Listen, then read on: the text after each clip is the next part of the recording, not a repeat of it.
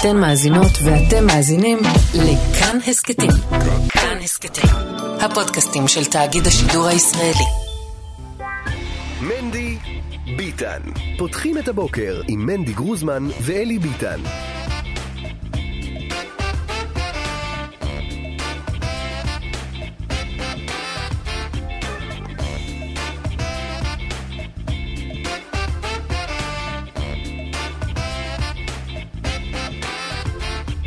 שלום לכם, שלום לכם, עשר וחמש דקות עכשיו, בוקר טוב, מני ביטן, בעזרת השם חזרה למתכונתה השגרתית. עד כמה שאפשר לדבר על שגרה בימים אלה, שלום ביטן. שלום אה, גרוזמן, שלום. מה קרה. לנו? איפה היינו כל הימים האלה? אני, אה, נפלה עליי אה, צרידות. צרידות. אה, נפלה עליי צרידות אה, קשה, אה, והייתי צריך לא לדבר. לא דיברת? דיברתי, בכל זאת דיברתי. אתה יודע למה בן אדם אה, מקבל עונש בקול? הוא דיבר לו שנורא. אני לא קיבלתי עונש, אז זה הש- אתם שקיבלתם פרס. אני, מה, הכל טוב, היה לי, אתה יודע, הייתי בריא, הלכתי, ישבתי. יכולת הכל, חוץ מלא הייתי עם לדבר? הילד שעות. רק לא לדבר. כן. ונגיד לעשות לילד, אה, אה, אה, אה, היה מותר לך? יותר מזה, יותר באס, יותר אה, זה. אה, אה, אה. לא, אה? מה זה היה מותר לי?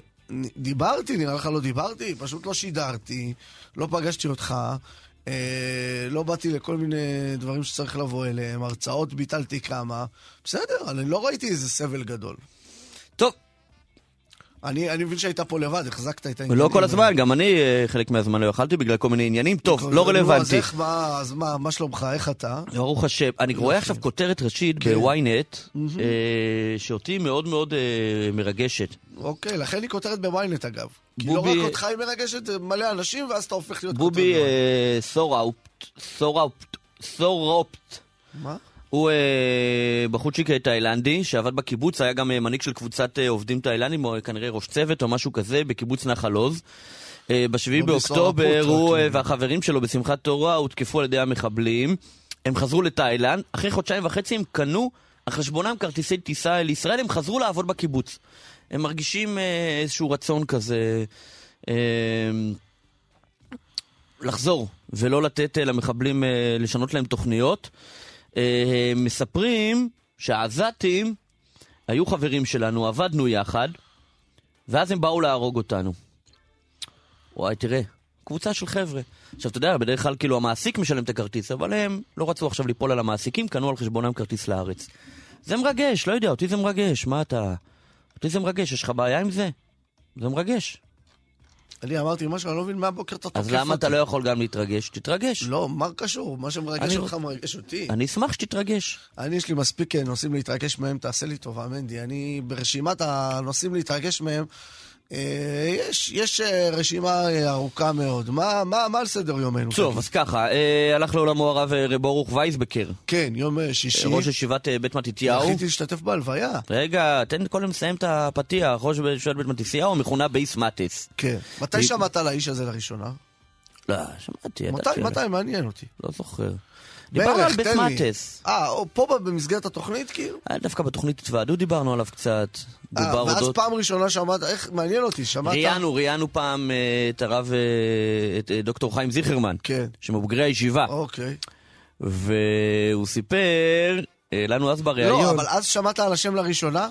אתה שואל אם בחור צ'יק חב"דניק, שמעתי עליו? לא. לא שמעת בכלל, לא. מעניין. כי אני ממש גדלתי על הדמות, אתה יודע, פעם ראשונה, לא, לא. שמענו, ראינו שיעור שלו באיזה גיל 11, אבל זה יש היה חב"דניקים משמעותי שיותר. מטבעי לכת בעולם הליטאי, לא, והם אבל כן הוא לא, ידעו. הוא לא למטיבי לכת, אתה יודע, חבר מועצת גדולי התורה, זה לא איזה הוא נהיה עכשיו חבר. מועצת אה, הרבה אחרי שהייתי נכון, בחוציק אבל אה, צעיר. אני אומר, חבר מועצת זה לא מהמטיבי לכת, זה לא מהזה. בסמטס אחת הישיבות החשובות.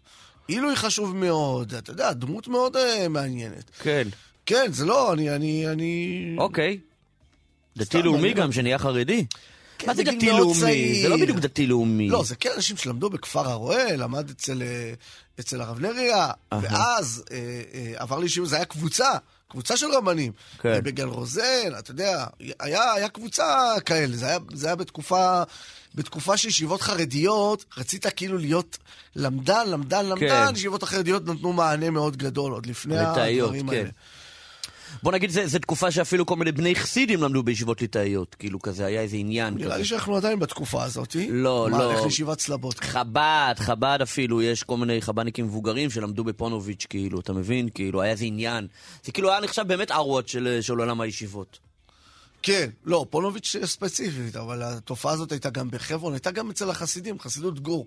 הרבה מאוד אנשים הגיעו, היו, אה, היו כן. דתיים לאומיים אה, מהבית. לא משנה, דמות מאוד מעניינת. הולך אה, לעולמו ביום שישי, אה, הלוויה נערכת ביום שישי. אה, לכן אני גם אה, זכיתי להשתתף בה, לא כי רציתי, פשוט אה, הלכתי לטיפול שיניים. למה חשוב לך להדגיש שלא רצית? לא, שלא עכשיו אנשים יגידו איזה בן אדם עוזב ככה את, המשפחה שלו ביום שישי, הולך להלוויה של רב שהוא לא... לא, לא כל הרוצה ליטול את השם יבוא בדיוק, אותו. יש אנשים שאתה יודע, שבאו ועשו מאמץ, אני סך הכל הלכתי לטיפול שיניים. על הדרך זכיתי אה, ללך אחר מיטתו של רב. יופי. אה, קצת אה, מהקדושה הזאת, אה, וזה היה נעים מאוד. נעים? לא, זה היה, לא, האמת לא היה נעים, זה היה זכות. הקדושה אה, השפיעה בעצמות. כן. עד דאחי ואחי, רבי אלתר גם אה, הלך לעולמו. ביאלתר הכוכב ילדים. שה- שהרבה מאוד חודשים, מה שמשותף לרבי אלתר. ולרב אורח וייסבקר, שהם במצב קשה הרבה מאוד זמן. הרבה הרבה מאוד זמן, רבי אלתר כבר היה שמועות, ידיעות, שהוא הלך אה, לעולמו, הוא היה במצב קשה, מאושפז בבית חולים, כבר כמה חודשים, גם רב אורח וייסבקר. אה, ורבי אלתר, זה דמות שכן גדלנו עליו. כן, אני שמעתי עליו, כן. מה זה אני שמעתי עליו? לא גדלת על השירים שלו בתור ילד? כן, אבל לא, אני, אגב, לדעתי, רק בגיל מבוגר אה, ידעתי את השם רבי אלתר. מה זאת אומרת? אני לא מבין. אה, לא שמענו, אני לא שמעתי את הקלטות. אבל הכרתי את השירים, כי השירים מוכרים. פרו בפיג'מה וכזה. ביי, אני לא מאמין. בוא'נה, אתם ממש אה, הייתם שם בכפר חב"ד, אה, ממש בניתם לעצמכם יקום לא, של לא, עצמכם. לא נכון, לא נכון. תשמע, כוכבי- אצלנו הגיע לחיידר, לתלמוד תורה. אצלנו... אה, אתה יודע מה זה היה שרבי אלתר הגיע לתלמוד תורה? איזה, אירוע? לבית שמש, כל בית שמש לבשה חג לדבר הזה. כן. בוא'נה, אתם אה, שתהיו... לא, אז לא. מה, מי היה לכם כוכב ילדים? היה לכם בכלל? בזמנו היה דוד החקיין, נגיד, היה גם לא, אצלנו. גם אצלנו. היה דוד החקיין. השם ישמור. אה, היה... שאול חיון. אבל היה... אה. היה אנקל מוישי, אתם ידעתם מי זה? רגע, מה? אנקל מוישי הוא גם חרדי, שיש לו קלטות ילדים באנגלית. אנקל הוא- מוישי, בוא נגיד, לא נשמע הכי קווקזי בעולם. נכון. כן. אה, והוא... זה אה, לא השם של הפריץ. כוכב מה, ילדים, אה, שיהיה בריא, כן? אה, כן. חרדי בארצות הברית. כן. מאוד מאוד חזק. גם רבי אלתר נראה לי בארצות הברית. לא, אבל הוא שם, הוא פועל- אוקיי, שם. הוא גם אה, מקליט כאילו כל הזמן אה, בקלטות באנגלית. כן, אוקיי. גם רבי אלתר, כל קלטת שהייתה לו בעברית הייתה מקלטת מקבילה באנגלית. פרו בפיג'מה, כל אלה היה... אז הוא בגדול היה זה, ו... ו... והיינו רואים את הקלטות שלו באנגלית. אה, יפה, אה, אתה מאנשי העולם הגדול, יפה מאוד. לא יודע, יפה, טוב. ברכות. אה, תקשיב, אני רצ- אני קראתי כותרת, רציתי כן. לדבר איתך רק עליה. נאמר את השם המלא, כן? אלתר צבי אריה יחנס, זה, זה השם שלו. לא, מה יש לך? של רבי אלתר. אה, מה, יש לו שם משפחה גם, נכון? אה, אוקיי, לא ידעתי. כן. חשבתי זה רבי, רבי זה השם הפרטי, אלתר זה השם משפחה. באמת חשבת? לא. תקשיב, טוב. אה, אני קורא ידיעה בעיתון, אה, איך אתה עם אה, עיתונים? נו. בימים אלה, קורא ידיעה בעיתון שארצות הברית צריכה אה, אה, תכף להעביר, להחליט על העברת 17 מיליארד, אוקיי, לישראל, לצורכי לחימה. כן. רגע לפני שהיא מחליטה על העברת דולר. הכסף, מיליארד דולר, מיליארד כסף, אה, רגע לפני שהיא מחליטה להעביר, איתמר בן גביר נותן איזה ראיון לוול סטריט ג'ורנל הוא אמר שם משהו, כן. ותוקף את אה, ביידן. נו. מה קורה? איש אמס, תוקף את לא משנה, הגביר. חכה שהוא יחתום על הצ'ק, ואז תעשה, תגיד מה שאתה רוצה. לא, ת- שיחתום על הצ'ק, ואז תגיד, תחשוב שמגיע איזה גביר לישיבה, מתחיל להגיד, חבר'ה, למה אתם לא הולכים לצבא, למה אתם לא זה, למה אתם לא זה, כולם אמרו לו ככה, עושים ככה עם הראש, תחתום על הצ'ק, אחרי זה נזרוק עליך אבנים. מה קורה, איתמר בן גביר? כן.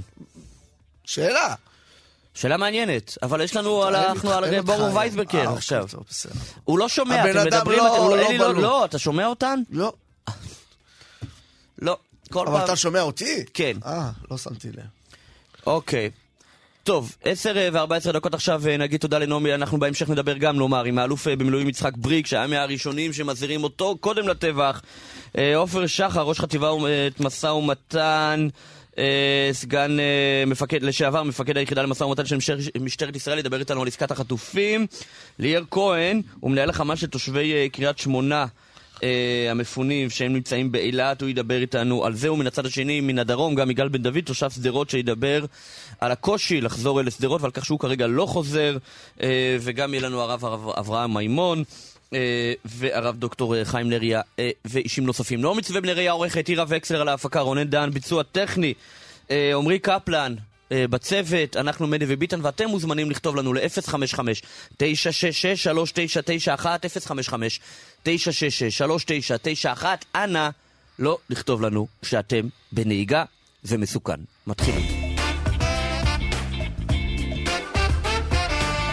אחד אה, מגדולי אה, ראשי הישיבות אה, הליטאים, חבר מועצת גדולי התורה של דגל התורה, תלמיד חכם עצום, מי שיש לו אלפי תלמידים שהחכימו ממנו תורה. שיטתו, אתה יודע, הלמדנית של רב אורח וייסבקר היה ידוע בתור בקיא, למדן עצום בנושים נזיקין. זה הייתה מה שנקרא תחום הממחיות שלו, שזה בעצם הסוגיות המרכזיות של עולם הישיבות, סביב המסכתות האלה. ואנחנו ככה רוצים ללכת גם היום. אתמול אחרים עשו את זה. זה, וגם בימים הקרובים, אה, ימי השבעה, בנבחי האדם הגדול הזה. שלום אה, לתלמידו הרב אברהם בן חמו. שלום וברכה. ראש אה, כולל כנסת ישראל באשדוד. אתה מתלמידיו של רב אורח וייסבקר. כן, זכינו. ספר לי. חבל על דאבדין ולא משתכחין. אני, אומרים לדבר על אדם גדול כזה, אני לא יודע כמה אנחנו ראויים. אין ברירה, כבוד הרב. אם לא, אנחנו גם כן.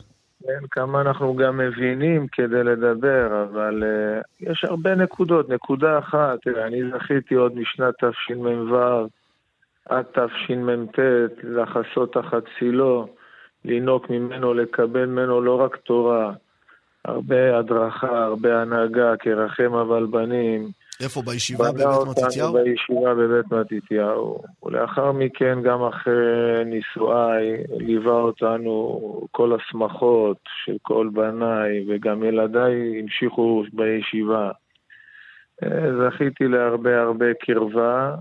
אני יכול להגיד דבר אחד שאני, יחסר לי לעד. אנחנו כולנו גדלנו בעולמה של תורה, והאלף בית זה אמונת חכמים. וכמו שיש ברמב"ן, שהעריך בזה, להסביר מה זה על ימין שהוא שמאל ושמאל שהוא ימין. הרבה פעמים אתה נכנס לאדם גדול, לשאול שאלה, אתה מקבל תשובה, כולנו מכירים, לא תמיד אנחנו נבין מה הם אומרים, אבל זה, זה מאושיות הדת, לקבל, להאמין שמה שיגיד הגדול זה האמת, וזה מה שצריך לעשות. כן. אצל הראש הישיבה אני אזכור דבר אחד לעד. אף פעם לא יצאתי ממנו בתור רק אמונת חכמים, להאמין לעשות מה שהוא אמר. תמיד הבנתי אותו בצורה ברורה, הוא פשט לי כל עקמומיות, כל ספק. הוא היה מדבר איתי בצורה רציונלית, הייתי שואל אותו שאלות הרות גורל. הייתי בנקודות, בפרשיות דרכים, הכרעות גורליות, והוא היה לוקח פשוט דף עם עט והיה מפשט לי את ה... שאלה, הנה זה השאלה שלך, זה הצדדי הספק שלך. מה אתה חושב שתשיג לכאן, מה תשיג לכאן? ומהר מאוד היה מעמיד אותך על חקר האמת, היית יוצא ברור, נהיר, צעיר, וזה דבר שיחסר לנו לעד לעולם. כן, כן, כן. כן. הרב, אם אנחנו, אם אנחנו כן. באמת אה, מנסים אה, להגדיר את השיטה הלמדנית, את שיטתו אה, של רב אורח וייסבקר בדרך הלימוד אחרי הרבצת תורה באמת של עשרות שנים, והרב כתלמידו גם מזה עשרות שנים. איך הייתם מגדירים אה, את הדרך הזו? אני תמיד אומר לאברכים, אנחנו ברוך השם כבר למעלה מ-30 שנה שמשמשים ראש כולל כאן בעיר, ויש לנו הרבה הרבה תלמידים, הרבה אברכים, וברוך השם יצא שם חשוב לכולל, ותמיד אני אומר, זו השיטה שקיבלתי מהראש ישיבה. מי שמבין את... Uh, צורת סוגיות התלמוד יזכור, יבין אותי יותר. יש הרבה פעמים בגמרא שהגמרא רוצה להביא מחלוקת אמוראים ולתלות את זה במחלוקת של תנאים. אז דרך כלל מיד הגמרא תגיד האמורה הזה כמו התנא הזה והאמורה הזה כמו התנא הזה. זה תחילת הסוגיה. זה שאלה, זה כאילו בשאלה. זה, כאילו... זה לכאורה, כך כתוב בריטבו, כך כתוב בראשונים, שזה לכאורה שאלה. כן. אבל מהר מאוד הגמרא תגיד, כל אחד מהאמוראים יגיד לך עד כאן ועד כאן, כל אחד מסתדר עם הצד השני כן. גם. כן. הייתי אומר תמיד שהשיטה הרווחת בעולם הישיבות, בלי להזכיר ישיבות כאלה ואחרות, זה החלק הראשון, זה מיד לתלות, לעשות תחקיר, אתם מכירים, ולתלות, זה ככה וזה ככה. הראשי והיה הפך מזה. הוא יכל להתחיל את השיעור עם זה, אבל מהר מאוד, אף פעם זה לא יסתיים. זה תמיד יסביר לך שכל צד יכול להסתדר עם הצד השני. זה הייתה הלמדנות, החריפות, זה הוא שפשף את הבחורים. תמיד הוא חתר שיגיעו לעמק, עמק, עמק הסוגיות. מדהים, מדהים, מדהים. הרב, הרב מדהים. מספר, אתם מספרים שבאמת אה, זכיתם גם לקבל ממנו הרבה דברי השקפה ודברי הכוונה, אז אולי שהרב באמת. ייתן לנו גם, אה, גם מהחלק הזה. אני אומר, הענווה שלו, הוא היה גאון, כמה שהוא היה גאון גדול, וזה מפורסם, אני אומר שהוא היה גאון גדול בענווה, ביראת שמיים, התפילות שלו זה דבר ייחודי. וכשהוא היה מדבר, הוא היה מדבר בצורה, אני זוכר, נו, כולנו גדלנו בישיבות.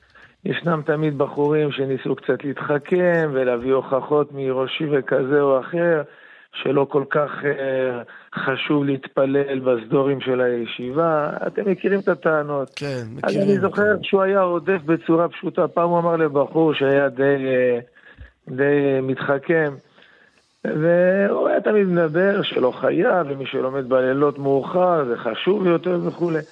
אז אני זוכר שהתכנסנו כמה חברים אצלו בחדר, אז הוא אמר, הוא אמר לו, תגיד לי, אני אשאל אותך שאלה, מה שתגיד לי עם זה אני מסכים איתך. אתה בעזרת השם תתחתן, מש- תקים משפחה, יהיה לך ילדים בישיבה. איך היית רוצה שהבן שלך יקום להתפעל בישיבה בסדורים, או הוא שתק? הוא אומר, למה אתה שותק? הוא אומר, לא, תגיד מה שתגיד, אבל תגיד את האמת. הוא אמר, הייתי רוצה שיתפעל בישיבה בסדורים. אז הוא אמר לו, זה האמת. כך הוא היה מהר מאוד הודה ומדבר בצורה חותכת. היה, אני זוכר גם פעמים, פעם התארחנו איזה שבת בצפון, איזה שבת שמי מהחברים ש... ששווק חיים, והראש אבן נסע לשבות שם לכבד את האלמנה, את הבן, את היתום, היה בר מצווה. אני זוכר שהתיישבנו לקידוש, וקצת היו כאלה שדיברו על מי מגדולי הדור, מגדולי ישראל, אה, ולא כל כך אולי כאלה שהיו מפורסמים בעולם הישיבות שלנו. והוא התחיל ככה ל- ל- להרהיב עוז ולדבר ולהגביה קולו. אני זוכר, מהר מאוד הראשי, ואפילו שהיה ככה עסוק בענייניו, נתן דפיקה על השולחן, אמר, לא מדברים על גדולי ישראל. וזה הפליא אותי מאוד מאוד, כי זה לא תמיד היה נשמע הכי אישי בשביל להגיד מה שהוא אמר. למישהו כיוון את הדברים, אבל האמת אצלו הייתה נר לרגליו, וזה היה דבר מיוחד, מיוחד, שכל תלמידיו יודו ויברכו על הנוגה הזו. נזכה, בעזרת השם, שנזכה שבאמת אה, אה, ישיבתו ותלמידיו הרבים ימשיכו אה, באמת לה- להשפיע מאורו הלאה. אמן, הרב אמן. אה, אברהם בן חמו, תודה רבה רבה רבה. תודה, תודה רבה. ראש אה, כולל כמובן כנסת ישראל אה, באשדוד, תודה רבה כבוד הרב על הדברים. שצורה בצורה החיים. אמן, אמן ואמן. טוב, אה, אלוף במילואים יצחק בריק, אני חושב שזה שם אה, ששמענו עליו אה, עוד לפני הטבח, אבל לצערנו הרב, הרבה יותר אחרי. אולי אם היינו שומעים את השם הזה יותר לפני, אז דברים היו קצת נראים אחרת, באמת מראשוני המזהירים על, אה, על, על, על כך ש, שאנחנו עומדים, אה, עשויים לעמוד בפני מתקפה כזאת, תחזית שלצערנו, ואני בטוח שגם לצערו, התממשה. שלום, אה, כבוד אה, אלוף במילואים יצחק בריק. שלום, בוקר טוב. היית מעדיף, מעדיף לטעות, אני מניח. בהחלט, ואני גם אעדיף לטעות למה שאני אומר עכשיו. אה, מה- מה? מה אתה אומר? תראה, לדעתי הבעיות העומדות בפני צה"ל ברצועת עזה אינן מאפשרות בשלב זה את מיטוט החמאס. אני רוצה לציין שהלחימה הטקטית של הלוחמים ראויה לכל שבח, אבל הבעיות הן בעיות מערכתיות ואסטרטגיות. ואנחנו עלולים עוד מספר חודשים למצוא את עצמנו ללא השגת שתי המטרות של המלחמה, מיטוט החמאס והשבת החטופים. והחברת אז אפשר רגע לדבר למה באמת המטרה הזו של מיטוט חמאס לדעתך היא לא אפשרית? כן. הבעיות המרכזיות שלדעתי עומדות בפתח, ולצערי הרב לא עוסקים בהן בצורה רצינית, מתעלמים אפילו, והולכים עם השאלות לב ולא עם המציאות. להגיד מה הן. הדבר הראשון זה הקמת מנהלת אזרחית בינלאומית בעזה שתחליף את שלטון החמאס.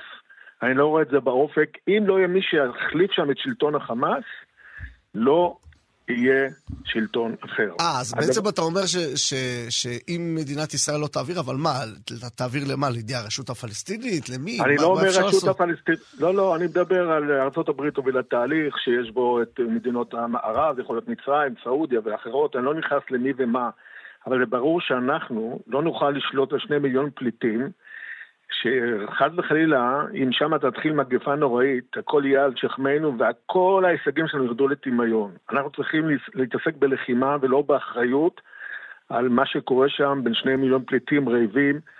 וזה צריך להעביר למישהו אחר, ולא להטיל על כתפינו. זה אבל נקודה זה, ראשונה. זה, זה נקודה מדינית, זה לא נקודה של צה"ל. אין ספק שזאת נקודה מדינית. ועכשיו בואו נעבור לנקודה של צה"ל. עכשיו בסדר? רגע, רגע, רגע, אני רוצה להתעכב איתך בנקודה הזאת. אחת הטענות שנשמעות הן שבקבינט, אה, לפחות החלקים אה, החדשים יותר בקואליציה, כן, אה, גנץ ואייזנקוט, כן דוחפים לאיזשהו שיח כלשהו על, על באמת על שאלת הלם שאחרי ועל תחילת, ו- ודווקא מצד ראש הממשלה, אה, ישנו סירוב להתעסק בזה עכשיו. אני מסכים איתך, זה הבעיה של ראש הממשלה. אני חושב שללא פתרון הב- הבעיה הזאת, כל ההישגים שלנו ירדו לטמיון, מהסיבה שאנחנו נמצא את עצמנו בתהליכים מאוד קשים מול שני מיליון פליטים, שהעולם יהיה נגדנו ברגע שיתחילו שם הבעיות החריפות של הבריאות, של הצער היום, הבעיות ההומניטריות, זה עניין של זמן זה יתפוצץ לנו בפנים, ולכן צריך את האחריות להעביר למישהו אני אחר. רוצה אז לש... אני- שנייה לפני הנקודה אה, הנוספת, שאם אני מבין נכון היא קשורה יותר אה, לצבא, לנסות להפוך אותך רגע ל... לא לפרשן פוליטי, אבל אתה מצליח להבין את, ה... את הרציונל אה, בתחייה הזו של נתניהו? אני לא מבין את הרציונל. זה נראה כאילו נתניהו רוצה להמשיך בכל מחיר, לא תמיד הוא יודע לאיזה כיוון הוא ממשיך. ובמקום לעשות מהלכים שבעצם יביאו הישגים אמיתיים, זה הולך לצערי להתפוצצות ולמצב שנהיה יותר חמור בעשרות מונים מה שאנחנו נמצאים עכשיו אם הוא לא יעשה את הדברים. אבל זה כמובן לא רק הוא, גם הצבא, ונדבר על זה. כן, אוקיי, אז הנה, בוא, בוא נגיע לנקודה השנייה. הדבר השני זה שאני טוען שאין דרך למוטט את אלפי הלוחמי החמאס המעורבבים בין שני מיליון פליטים במחנות הפליטים ברפיח וסביבתה, שאינך יודע מיהו חמאסניק ומיהו עזתי בלתי מעורב. ושולטים באוכלוסייה, בחלוקת המזון, בדלק ובמנהרות החוצות מתוך סיני מתחת לציר פילדלפי ומתחברות למאות קילומטר של מנהרות לכל אורכה ורוחבה של רצועת עזה. כל מה שעסקנו היום במנהרות הוא קצה הקרחון למה שיש להם. מצפון לדרום, דרך מנהרות אלה קיבל החמאס במשך שנים מהצד המצרי את אמצעי הלחימה והתחמושת והיכולת ליצור בעצמם רקטות. בעצם מה שאני רוצה להגיד, שהיום אם תיכנס לתוך מחנות ח'אן יונס, אה, סליחה, מחנות רפיח, יש שם שני מיליון ועוד מתוכם עשרות אלפים חמאסניקים, ואתה לא תדע להבדיל בין חמאסניק לבין אזרח אחר, משום שהם מעורבבים.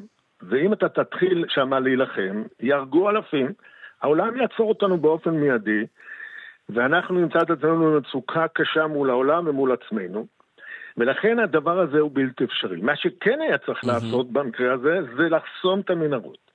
כלומר, כל עוד המנהרות האלה שחותכות מסיני, מתחת סעיף פילדלפיה, מתחברות למנהרות עד העיר עזה וצפונה, תראה מה שקורה לנו היום דרך המנהרות האלה.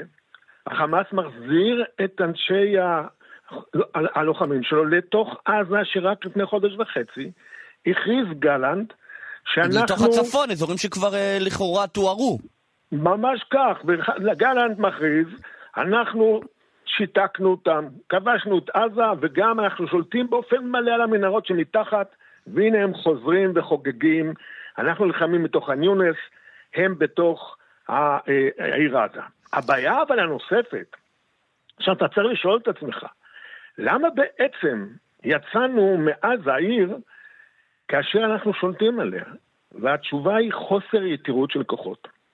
אנחנו קיצצנו את הצבא הדק ב-20 שנה האחרונות, צבא קטנטן שאיננו מסוגל לתת תשובות בכמה אזורים במקביל. אם אתה מסתכל על עזה, אתה רואה שאנחנו גם בתוך רצועת עזה נלחמנו בטור, לא במקביל. קודם בעיר עזה, אחרי זה בסג'ג'יה וג'יבליה, ואחרי זה הגענו לח'אן יונס. אם היינו עושים את הכל במקביל, היינו כבר במצב הרבה יותר טוב, היינו מרוויחים המון זמן. אבל היות ויש לנו מעט כוחות, עשינו את זה בטור.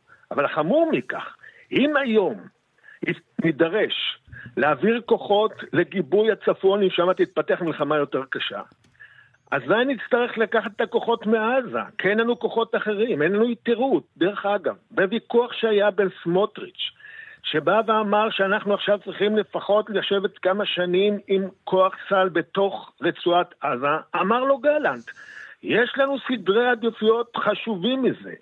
במידה ונצטרך את הכוחות לצפון, כי אם נרצה לעשות איזשהו מהלך, נצטרך לקחת אותם מעזה. כלומר, אין לו כוחות. אם היו לו עוד כמה אוגדות, כמו שהיה לפני 20 שנה, לא היה צריך להגיד את הדברים האלה. זאת אומרת, יש כאן בעיות קרדינליות, ואני אגיד לך אפילו עוד דבר.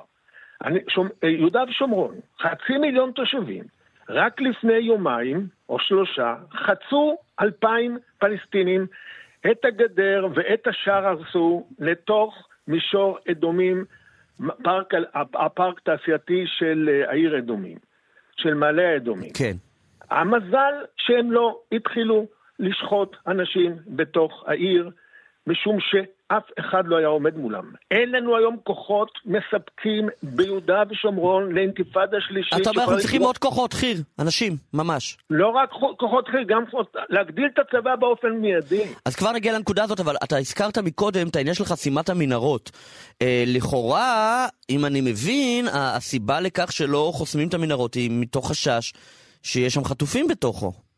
לא, לא, לא, לא. תראה, חסימת המנהרות זה הרעיון היה לעשות חסימה אה, בין מחנות הפליטים של רפיח לבין ח'אן יונס, במקומות שאתה חוצה 13 קילומטר בעומק של 40-50 מטר חפירה, ואז אתה חושף את כל שורת המנהרות שחוצות מסיני לעבר הצפון של רצועת עזה. אבל הבעיה של לעשות חסימה כזאת זה כמעט בלתי אפשרי. זה מדובר על פרויקט של חודשים, אולי אפילו של שנה, של מאות פועלים, של אה, אה, הייתי אומר, אה, אפילו אה, משאיות עם, אה, עם חומרי בנייה. והם נמצאים שם, החמאסניקים, בתוך הבורות, בתוך המנהרות, שאותם לא חיסלנו, והם יזנבו בכל מי שיש שם, אף אחד לא יוכל לעבוד שם. ואז היה רעיון לעשות את החסימה הזאת בצד המצרי. אבל המצרים לא מוכנים, ולכן אנחנו בבעיה. אם לא נדע לתת פתרון לחסימת המנהרות, אנחנו בברוך ענק. אבל יש פתרון נוסף, שאם באמת אין לנו פתרונות לעניין הזה, של חסימת המנהרות, שזה כאילו לא עשינו שום דבר אם לא נעשה את זה, אזי ללכת יותר צפונה, ולפחות לעשות דבר שלדעתי הוא אפשרי. לחזור לעיר עזה, להשתלט עליה מחדש, כי הם שוב חזרו לשם, שם לבסס את מקומנו, לומר לכל העולם, העיר עזה וצפונה היא שלנו, אנחנו כרגע שולטים בה, עושים מה שאנחנו מבינים. תדע לך שלחמאס, פרידה מעיר הבירה שלו, מ-60 או 50 אחוז, 40 אחוז משטח הרצועה, זה מכה קשה, זה תמונת ניצחון שאפשר לצאת. אם אין לך את היכולת למוסס את כולם לאורך כל הרצועה. ואני אגיד לך יותר מזה, אין לצה"ל כוחות להישאר שם עוד הרבה זמן, משום שצריך לשחרר את אנשי המילואים צריך, לעבודה. צריך לשחרר את כוחות הסדירים להתאמן ולעשות קורסים, להמשיך את הסיפור של הסדיר. כן. אין מי שיחליף את הכוחות, במילא... טוב, זה אחד מהדברים, טוב, אנחנו שוב, אנחנו פה שוב אומרים שאחד הדברים שבציבור החרדי דיברו כל הזמן, אמרו צה"ל לא צריך אותנו, מסתבר שכן צריך, אה, לפחות עכשיו. אה, טוב, זאת נקודה שאני מקווה שעוד יתייחסו אליה. אה, תגיד, אה, ישנם דיבורים על כך, אה, אנשים שאומרים, אה, חבר'ה, אנחנו לא מאמינים בהנהגה הזאת, היא לא מסוגלת להוביל אותנו לאנשהו, צריך בחירות. אה, מה אתה חושב על זה? תראה, אני לא מדבר היום על אה, צורך דווקא עכשיו בבחירות, עכשיו נלחמים, ואני כן חושב שצריך להחליף את ההנהגה גם בצבא וגם בממשלה. לא יכול להיות שאלה שהובילו אותנו לברוך הכל כך קשה, שאני לא זוכר כזה מאז קום המדינה, אה, שחיטה וקריסה של צה"ל בכל מה שקרה שם. כל מה שאמרתי קרה שם. למזלנו לא נפתחה מלחמה במקביל של החיזבאללה, כי אם הייתה נפתחת בצפון, גם שם לא היו מי שיגן על, ה, על, על הצפון. היו נכנסים לתוך אה, אה, הגליל, נכנסים ליישובים, למחנות צה"ל, מגיעים לחיפה על טבריה, ואז יורים גם אלפי טילים ורקטות, לא כמו החמאס, וגדולים, מדויקים, ואז היינו בברוך ענק. כלומר, הבעיה שלנו כרגע, שאנחנו לא, יחק, לא יכולים לחכות ליום של, של מחר. שאחרי, מה שנקרא, כי היום שאחרי לא יגיע בקרוב. המלחמה הזאת תימשך עוד הרבה מאוד זמן, ואנחנו צריכים כבר עכשיו לעשות את זה ולהתחיל להגדיל את הצבא, ועוד פרויקטים לאומיים נוספים, והבעיה של אלה שהביאו לברוך הנורא, לא אלה שיכולים לתקן את הברוך הנורא. כי מי שהביא לא ירצה לעסוק בנושאים שקשורים אליו. ואנחנו צריכים, לדעתי, אני לא רוצה להגיד עכשיו בחירות, אבל בהחלט כשיגיעו להחליף את ההנהגה המדינית ואת ההנהגה הצבאית. ואתה תתמודד? תציע את שירותיך? אני, אני לא הולך לפוליטיקה משום שאני למדתי שהפוליטיקאים לא מביאים בשורה. אה, מהסיבה א', כשאתה הולך לפוליטיקה אתה מזוהה, אתה מאבד חצי עם. שתיים, אתה נמצא ב...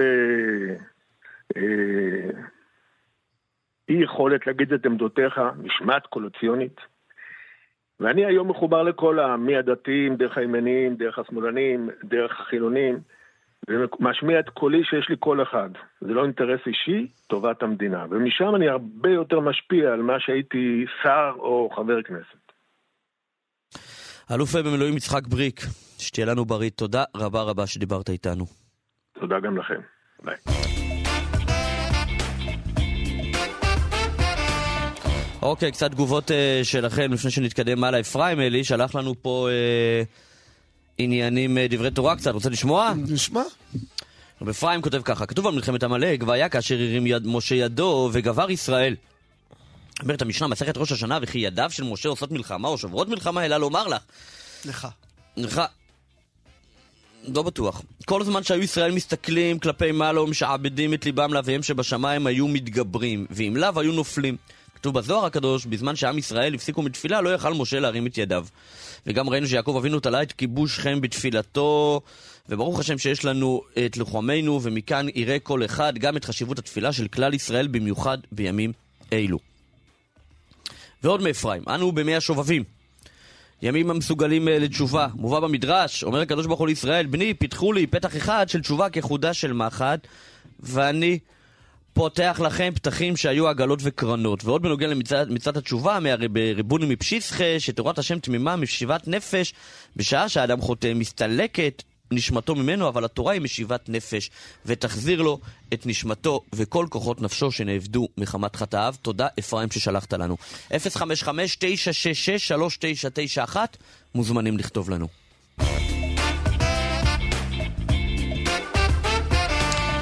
עשר שלושים ושבע עכשיו, אנחנו uh, בימים האחרונים, בשבועיים האחרונים, עדים ליותר ויותר uh, שמועות על העסקה המתגבשת. בימים האחרונים זה נראה שהיא ממש מגיעה אל השולחן. הצד הישראלי אישר דברים מסוימים, פסגה בפריז שבה כן הוצגה איזושהי פשר, uh, uh, עסקה, uh, מחכים uh, לתשובת חמאס, uh, חלק מאנשי חמאס אמרו שיש תשובה כבר אתמול בערב, אולי בימים הקרובים. Uh, ברגע שתהיה תשובה, כך אומרים לנו המומחים, רק אז יתחיל בעצם משא ומתן uh, לקראת עסקה סופית uh, על כל הפרטים, על משך ימי הפסקת האש, על uh, uh, שאלת מי משתחרר במסגרת uh, העסקה, מי בצד הפלסטיני, מי בצד uh, הישראלי, כל השאלות הללו uh, בעצם נמצאות על השולחן. יש המון מתח בציבור, יש קודם כל המון מתח אצל משפחות החטופים, המון המון מתח, יש הרבה מתח אצל אנשים שמתנגדים לעסקה או שחוששים שהיא אה, אה, אה, תביא לסופה של המלחמה, אה, אנשים שמאוד אה, רוצים את המשכה של המלחמה. בכל אופן, הימים האלה הם ימי משא ומתן. כל כותרת היא גם כותרת חדשותית, אבל היא גם כותרת שנועדה להשפיע על הצד השני. אנחנו קצת רוצים אה, להבין איך הדברים האלה עובדים. שלום לעופר שחר. שלום וברכה לך ולמאזינים. גם מנדי פה, נאמר שאתה ראש חטיבת משא ומתן בעוררין אה, וסגן ניצב בדימוס, היית מפקד היחידה למשא ומתן של משטרת ישראל. כן. עם מי משטרת אה, ישראל עושה משא ומתן? משטרת ישראל עושה הרבה משאים ומתנים, אה, מדובר על יחידה מבצעית, יחידה שפועלת ב-250 אירועים בשנה. אני אומר שבפרוץ הלחימה, ב-7 לאוקטובר, אה, זו היחידה שניהלה משא ומתן עם אה, מרצחים אה, בביתם של רחל ודוד אורן, שנלכדו בביתם באופקים, ולאחר משא ומתן ממושך של 17 שעות, הצליחו להניע את המחבלים לנקודה שאליה רצו שהם יגיעו, לוחמי הימ"מ פרצו ושחררו בשלום, אני מדגיש, שחררו בשלום את הזוג אורן. כן, אז אני רק רוצה אבל לשאול, כי uh, אתה אומר 250 אירועים של משא ומתן בשנה, שפועלת, uh, מה, מה אופיים של האירועים הללו, של המשא ומתנים האלה שמנהלת משטרת ישראל? אנחנו, נגיד, אני מכיר אנשים שפעם ראיתי מישהו שרוצה לקפוץ מהגג, ו, ושוטרים מנהלים איתו משא ומתן, אבל אני מניח שזה מעט מהאירועים. איך, איך הם נראים האירועים בימי שגרה, אירועי משא ומתן האלה? כן, אז uh, באמת מרבית האירועים הם מהסוג שאתה תיארת, אנשים שנקלעים למצוקות נפשיות מכל מיני סיבות, אה, מצוקות שאוחזות בכולנו, ובשל אה, משברים נפשיים כאלה ואחרים דוחפות אנשים אה, לקצה הגג תרתי משמע. יחד עם זאת, ישנם מספר לא גדול של אירועים שבהם מעורבים גם בני ערובה. עכשיו, אני מניח שהמאזינים ישאלו את עצמם, לא, לא שמעתי על זה, איפה זה קרה. כן, איך זה לא פתח מהדורות. נכון, ואולי טוב שכך, אבל uh, לפעמים uh, אדם שנקלע לאותה מצוקה נפשית, uh, דווקא את בני משפחתו, את מעגל הסבבים הקרוב אליו, הוא לוקח כבני ערובה, וזה אירוע לכל דבר ועניין שאנחנו ביחידה יודעים לטפל בו. אנחנו נעזרים בשעת הצורך גם ביחידות מבצעיות של משטרת ישראל, כמו יס"מ וימ"מ. אה, ישנם גם אירועי חטיפה. אה, העולם הזה של החטיפות הוא לא דבר חדש לנו. אני אה, אקדים ואומר שחטיפה לפעמים, ולא חלילה אני משווה למה שאנחנו חווים בימים אלה, ברור. היא גם חטיפה של דברים שיקרים לנו. לדוגמה, אמצעים טכנולוגיים, לדוגמה, בעלי חיים, אבל אנחנו נתקלנו גם בחטיפות של אנשים. וגם שם נעשה תהליך אה, מאוד מורכב, מאוד, אה, מאוד עמוס בפרטים. שהתכלית שלו בסוף לשחרר את האנשים בחיים. עכשיו, אתה הבאת כדוגמה את המשא ומתן אה, עם החוטפים אה, של רחל ודוד מאופקים. עכשיו, אותו משא ומתן הוא בעצם היה ב- ב- בסופו תהליך של הונאה, זאת אומרת, תהליך שנועד להביא את החוטפים למקום מסוים שבו יחסלו אותם, אבל לא באמת תהליך של משא ומתן שהם ייתנו משהו בתמורה ויקבלו משהו בתמורה. עכשיו, בסיטואציה אה, מול החמאס, בסופו של דבר אנחנו במשא ומתן שבו כל אחד מהצדדים מנסה להוליך הונאה על הצד השני, אבל בסוף, אם תהיה עסקה, היא צריכה להיות עסקה הדדית. אנחנו נכון. נפסיד נכון. משהו והם יפסידו משהו. נכון, אבל בוא רגע ברשותך אנחנו נעשה סדר, מה זה בכלל משא ומתן? Okay. משא אוקיי. ומתן זה תהליך. חשוב להסביר את זה, כי יש לנו נטייה לחשוב במושגים של אפס או אחד, שחור או לבן. כלומר, האם קיבלתי את כל מה שרציתי, או האם הפסדתי. משא ומתן זה בעצם תהליך שבו שני הצדדים מבינים, מצליחים לחבר את הרצונות שלהם, את הדברים שהם חשבו שהם נכונים להם, ומסיימים אותו כששני הצדדים מרוויחים, וכמו שאתה אמרת יפה, שני הצדדים גם מפסידים. אם אני לוקח כדוגמה את האירוע של המשא ומתן שהיה באופקים, אתה אולי תתפלא לשמוע, אבל המחבלים היו במצב שהם כן היו מוכנים לשחרר את בני הערובה. כלומר, זה איזשהו משהו שאנחנו יצרנו אה, אה, מין אה, סיטואציה שבה הם מבינים שהם יכולים לקבל גם את תמונת הניצחון שלהם, ואני שם את המילה תמונת ניצחון במרכאות. אה, עכשיו, איך אנחנו בונים את התהליך? אנחנו קודם כל צריכים לדבר על מילה שעכשיו תישמע מוזר, אמון. שני הצדדים צריכים להאמין אחד בשני. עכשיו, כשאני אומר להאמין אחד בשני, ולהאמין שאנחנו רוצים להגיע לאותה נקודה. זה ב- בלתי אני... נתפס, במובנים מסוימים אתה לוקח את שתי הקצוות של העולם, של העולם, של האנושות עכשיו, חמאס מצד אחד, ישראל מצד שני, ואתה אומר, תנו להם להאמין אחד בשני. אז בואו אני אתן גם פה דוגמה, כי דרך דוגמאות אפשר כן. להבין כן. את זה טוב יותר. באירוע אופקים, אה, חמישה מחבלים מרצחים בני עוולה שעשו מסע רצח מטורף והסתגרו בבית עם אה, בני ערובה. כשאנחנו מגיעים לזירה, ברור לך שיש לנו דעות די מוגדרות ודי ברורות על האנשים שנמצאים שם. אבל את כל זה אני מניח בצד. כשאני מנהל משא ומתן, אני מחפש את המשותף. אחד הדברים שידענו, זה שישנו מחבל פצוע בבית. כחלק מאותו אמון שנבנה, אנחנו הצענו ונתנו ציוד רפואי. עכשיו, אני מניח שהמאזין השקול שעכשיו מקשיב לי, מבין לבד שהדבר הזה נעשה לא כי באמת אני כרגע, מה שחשוב לי זה לרפא את פצעיו של המחבל, אלא זה כחלק מאותה בנייה של אמון שאנחנו מייצרים. עכשיו, אותו, אותו חמוש פלסטיני לא מבין את מה שאתה אומר? הוא את מבין. ההיגיון הזה? הוא אז איך זה מבין. בכל זאת נותן אמון? אבל הוא מבין עד הנקודה שבה הוא אומר לעצמו, רגע, אה, יש פה, מתרחש פה איזשהו תהליך, ולכן אמרתי זה תהליך. תראה, משאים ומתנים הם בראש ובראשונה תהליך רגשי, מאוד מאוד מורכב. גם לנו, גם למי שבצד השני. מתקבלות החלטות שלפעמים הן נראות מנוגדות לחלוטין לכל היגיון בריא. כמו למשל להציע אוכל למחבלים שלכודים אה, עם בני ערובה. כן. אבל אל- אלמלא הדברים האלה אתה לא יכול להתקדם.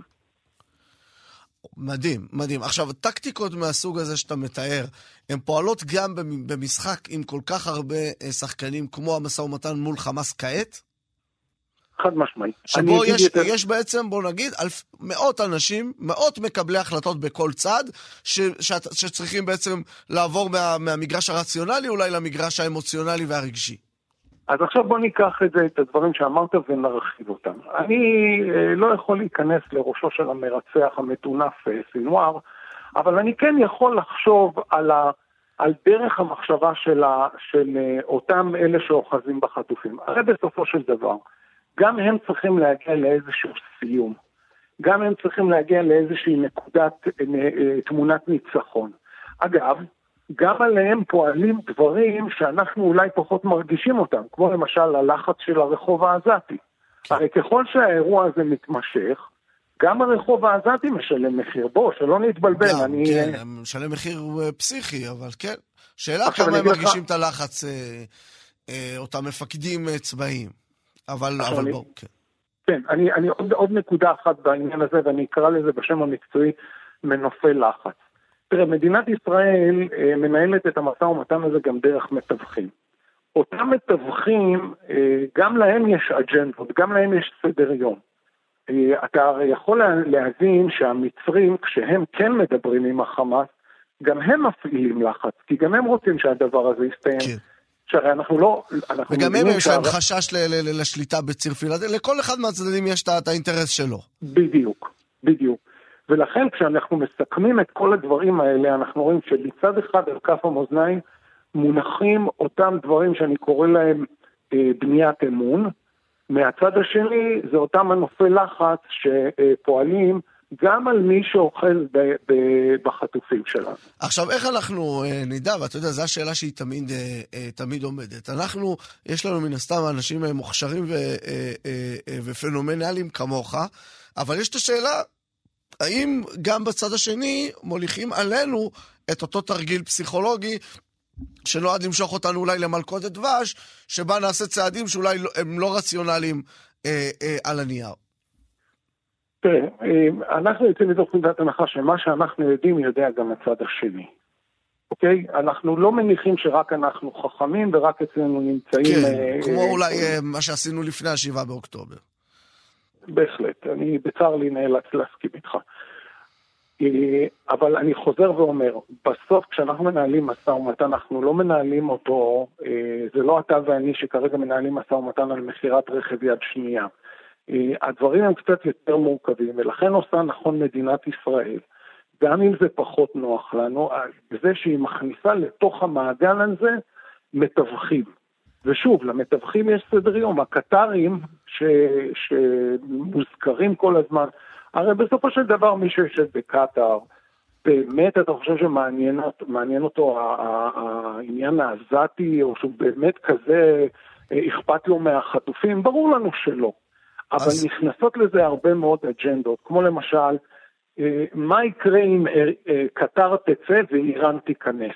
אני רק מזכיר למאזינים הנכבדים שהאיראנים שאנחנו רואים בהם שותפים לכל הסיפור הזה, בסופו של דבר האיראנים באים מהשיעה והחמאס סוני והדברים האלה לא מתחברים.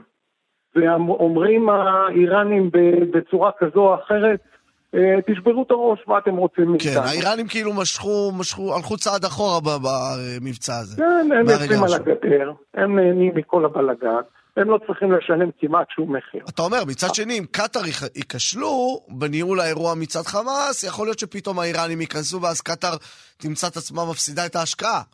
נכון, נכון בהחלט. ולכן אני חוזר ואומר, המשא ומתן הוא לא בהכרח אה, אנחנו מול החמאס. הרי אני, אני מתקשה להאמין, אינני יודע, אבל אני מתקשה להאמין שישנה איזו שיחת טלפון שמתנהלת אה, בין אה, מישהו מהצד הישראלי לבין אה, סינואר. אולי לא ולכן... סינואר, אבל אתה יודע, טוב, זו שאלה אחרת, אבל ישראלים וישראל, היה לה קשרים ישירים עם חמאס עד ה-7 באוקטובר. לא, לא בדרג סינואר, אבל אתה יודע, דרגי מודיעין וזה, כל, כל הצינורות האלה פתאום נעצרו לגמרי רק דרך המתווכים. נכון, אני, אני אגיד יתרה מזו, אנחנו נחשפים בימים האחרונים אה, לחדשות שאומרות על מתחים בין אה, הנייה לבין סינואר. אנחנו מכירים את המתחים האלה שנים, הם רצו אחד נגד השני במערכת בחירות. יפה. סינואר רץ בוא... חמש מערכות בחירות עד שהוא הצליח להיבחר מול בן אדם של הנייה. זה כאילו, אנחנו מכירים את, ה, את המתיחויות הללו. נכון. עכשיו, הנייה מסתכל על היום של אחרי, כי הנייה רואה את עזה ביום של אחרי, ואומר לעצמו, האם אני מרוויח או מפסיד בלגיטימציה במגרש הבינלאומי.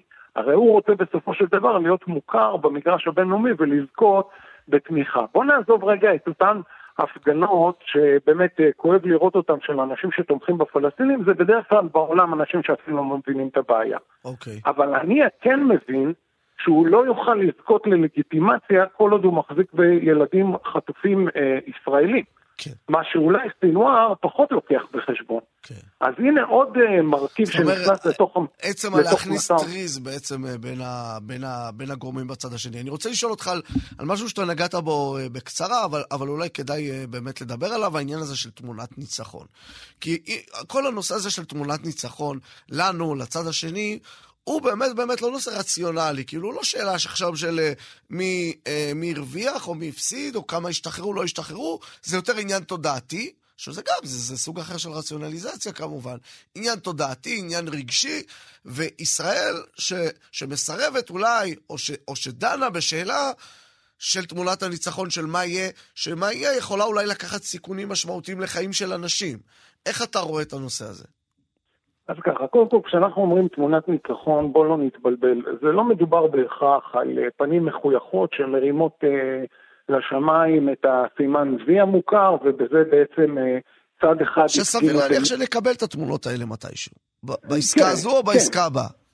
כן, אבל בוא אני, אני, אני שוב, אני רוצה להעיר את זה מזווית אחרת. האם כשאנחנו מראים, או האם כשבעולם רואים תמונות של עזה מרוסקת, של בתים אה, מחורבים ושל בתים שעלו באש, האם זו תמונת ניצחון? מרבית האנשים יגידו שלא, ואני אומר הפוך, אני אומר שדווקא לעזתים שרוצים להנציח את האומללות שלהם, והנה תראו כמה שהישראלים היהודים האלה אכזרים, זו תמונת ניצחון. זאת אומרת שמה שלפעמים אנחנו חושבים עליו כתמונה, אה, שכמו שאמרתי, של פנים מחויכות ושל וי כלפי מעלה, בצד השני הוא בדיוק הפוך. כי זה מתחבר לאג'נדה שהם רוצים לשדר. הרי מה זה החמאס? החמאס בסופו של דבר זה ארגון ששם לו למטרה דבר אחד, מעבר להכחדת מדינת ישראל, זה להנציח את האומללות ואת המסכנות והנה תראו, אנחנו, אה, אה, הלגיטימציה שלנו לחסל את ישראל, כי ישראל כל הזמן עושה רק רע. אז לכן כשאני אומר תמונת ניצחון, אנחנו צריכים לשאול את עצמנו מה זו אותה תמונת ניצחון. מה זה בסוף סינואר, אגב, אם סינואר היה יכול, הוא היה מקריב את עצמו, ואז היה יוצא, חוזר לחיים רק כדי להגיד לכולם, הנה תראו, הקרבתי את חיי, הרי זה מה שהוא רוצה להראות. טוב, שאלה אה, נוספת אה, קשורה אה, באמת לשאלה על הצד הישראלי. כמה אנשי מקצוע באמת מנהלים את האירוע הזה, וכמה זה נשאר בידיים של פוליטיקאים לצורך העניין? אני אהיה גלוי עמך ועם המאזינים היקרים, אינני מכיר את פרטי הפרטים. אני יכול רק להעריך מתוך מה שאני יודע. שטובי המוחות בצד שלנו, אנשים מאוד מקצועיים, שיודעים קודם כל לדבר את התרבות. ואני אומר את זה עוד לפני שאני אומר לדבר את השפה. הם יודעים לדבר את התרבות הפלסטינית אה, המזויפת, הם יודעים לדבר את התרבות העזתית, ונתתי פה דוגמה שמבחינתם להנציח אומללות זה חלק מהמורשת שלהם. כן. הרי הם לא בנו בתי ספר, הם לא התאמצו לפתח טכנולוגיות ו, אה, ורפואה. הם כל השנים אה, עשו רק דבר אחד, מיקדו את כל המאמץ שלהם בלהחריב... בחלק הצבאי. כן. בחלק הצבאי, בדיוק. ואתה אה, אומר, עכשיו, ההבנה מ- מאוד דקה הזאת של, ה, של הסיטואציה שם, שהיא בניגוד אולי לסיטואציה הישראלית, היא מאוד רלוונטית. אז אתה סומך על החבר'ה שמנהלים את זה. אני מאוד סומך על החבר'ה שמנהלים את זה, אני אגיד יתרה מזו. לא פעם, אה, כשהיינו מגיעים לזירות ולאירועים אה, מורכבים, אה, אני זוכר שהייתי נדרש לתת, אה, וכמו שזה צריך להיות, לתת דין וחשבון למפקדים שמעליי. והיו שואלים אותי, תגיד, מה דעתך? עכשיו, לפעמים הייתי מציג דעה שהיא מנוגדת להיגיון, אה, לכל היגיון. אה, אתן דוגמה, היינו באיזשהו אירוע, ואני סברתי שהדרך הטובה ביותר לטפל באירוע זה לצאת מהמקום. ואמרו לי למה? אמרתי, כי זה ירגיע את הרוחות. וחלק מהעניין של מפקדים, של מנהלים, ואני מניח שגם של פוליטיקאים, שהרי אה, רובם המכריע הם לא באמת מחפשים לעשות לנו רע, אה, זה לדעת לסמוך על אנשי המקצוע שלהם. זה לדעת להקשיב לניואנסים הקטנים שבין הדברים ולקבל החלטה. מעניין מאוד. עופר אה, שחר, ראש חטיבת משא ומתן אה, באורין, סגן אה, ניצב בדימוס אה, ומפקד יחידה למשא ומתן של משטרת ישראל.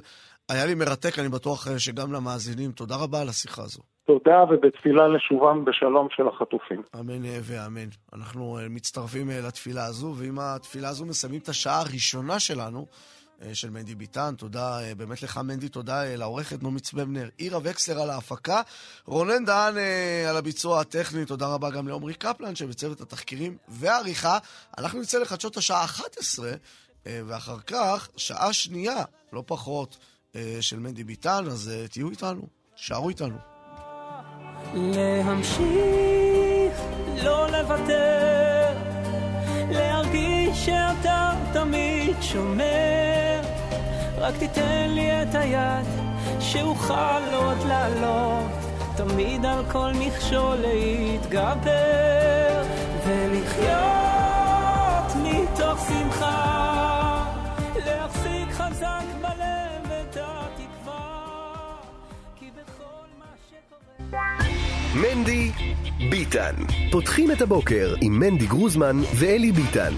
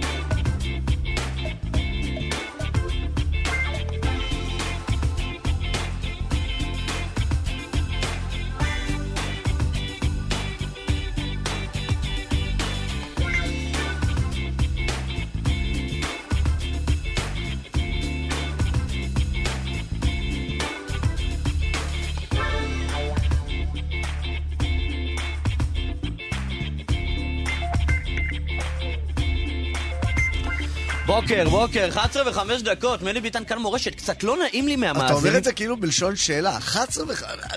כבר? כבר, אה, כבר. כבר אה, פה נויום, אה, כבר נויום. כן. פה נויום. תקשיב, אה, לא פרשת נעים לי. לא נעים לי מהמאזינים, כן, מחלקם.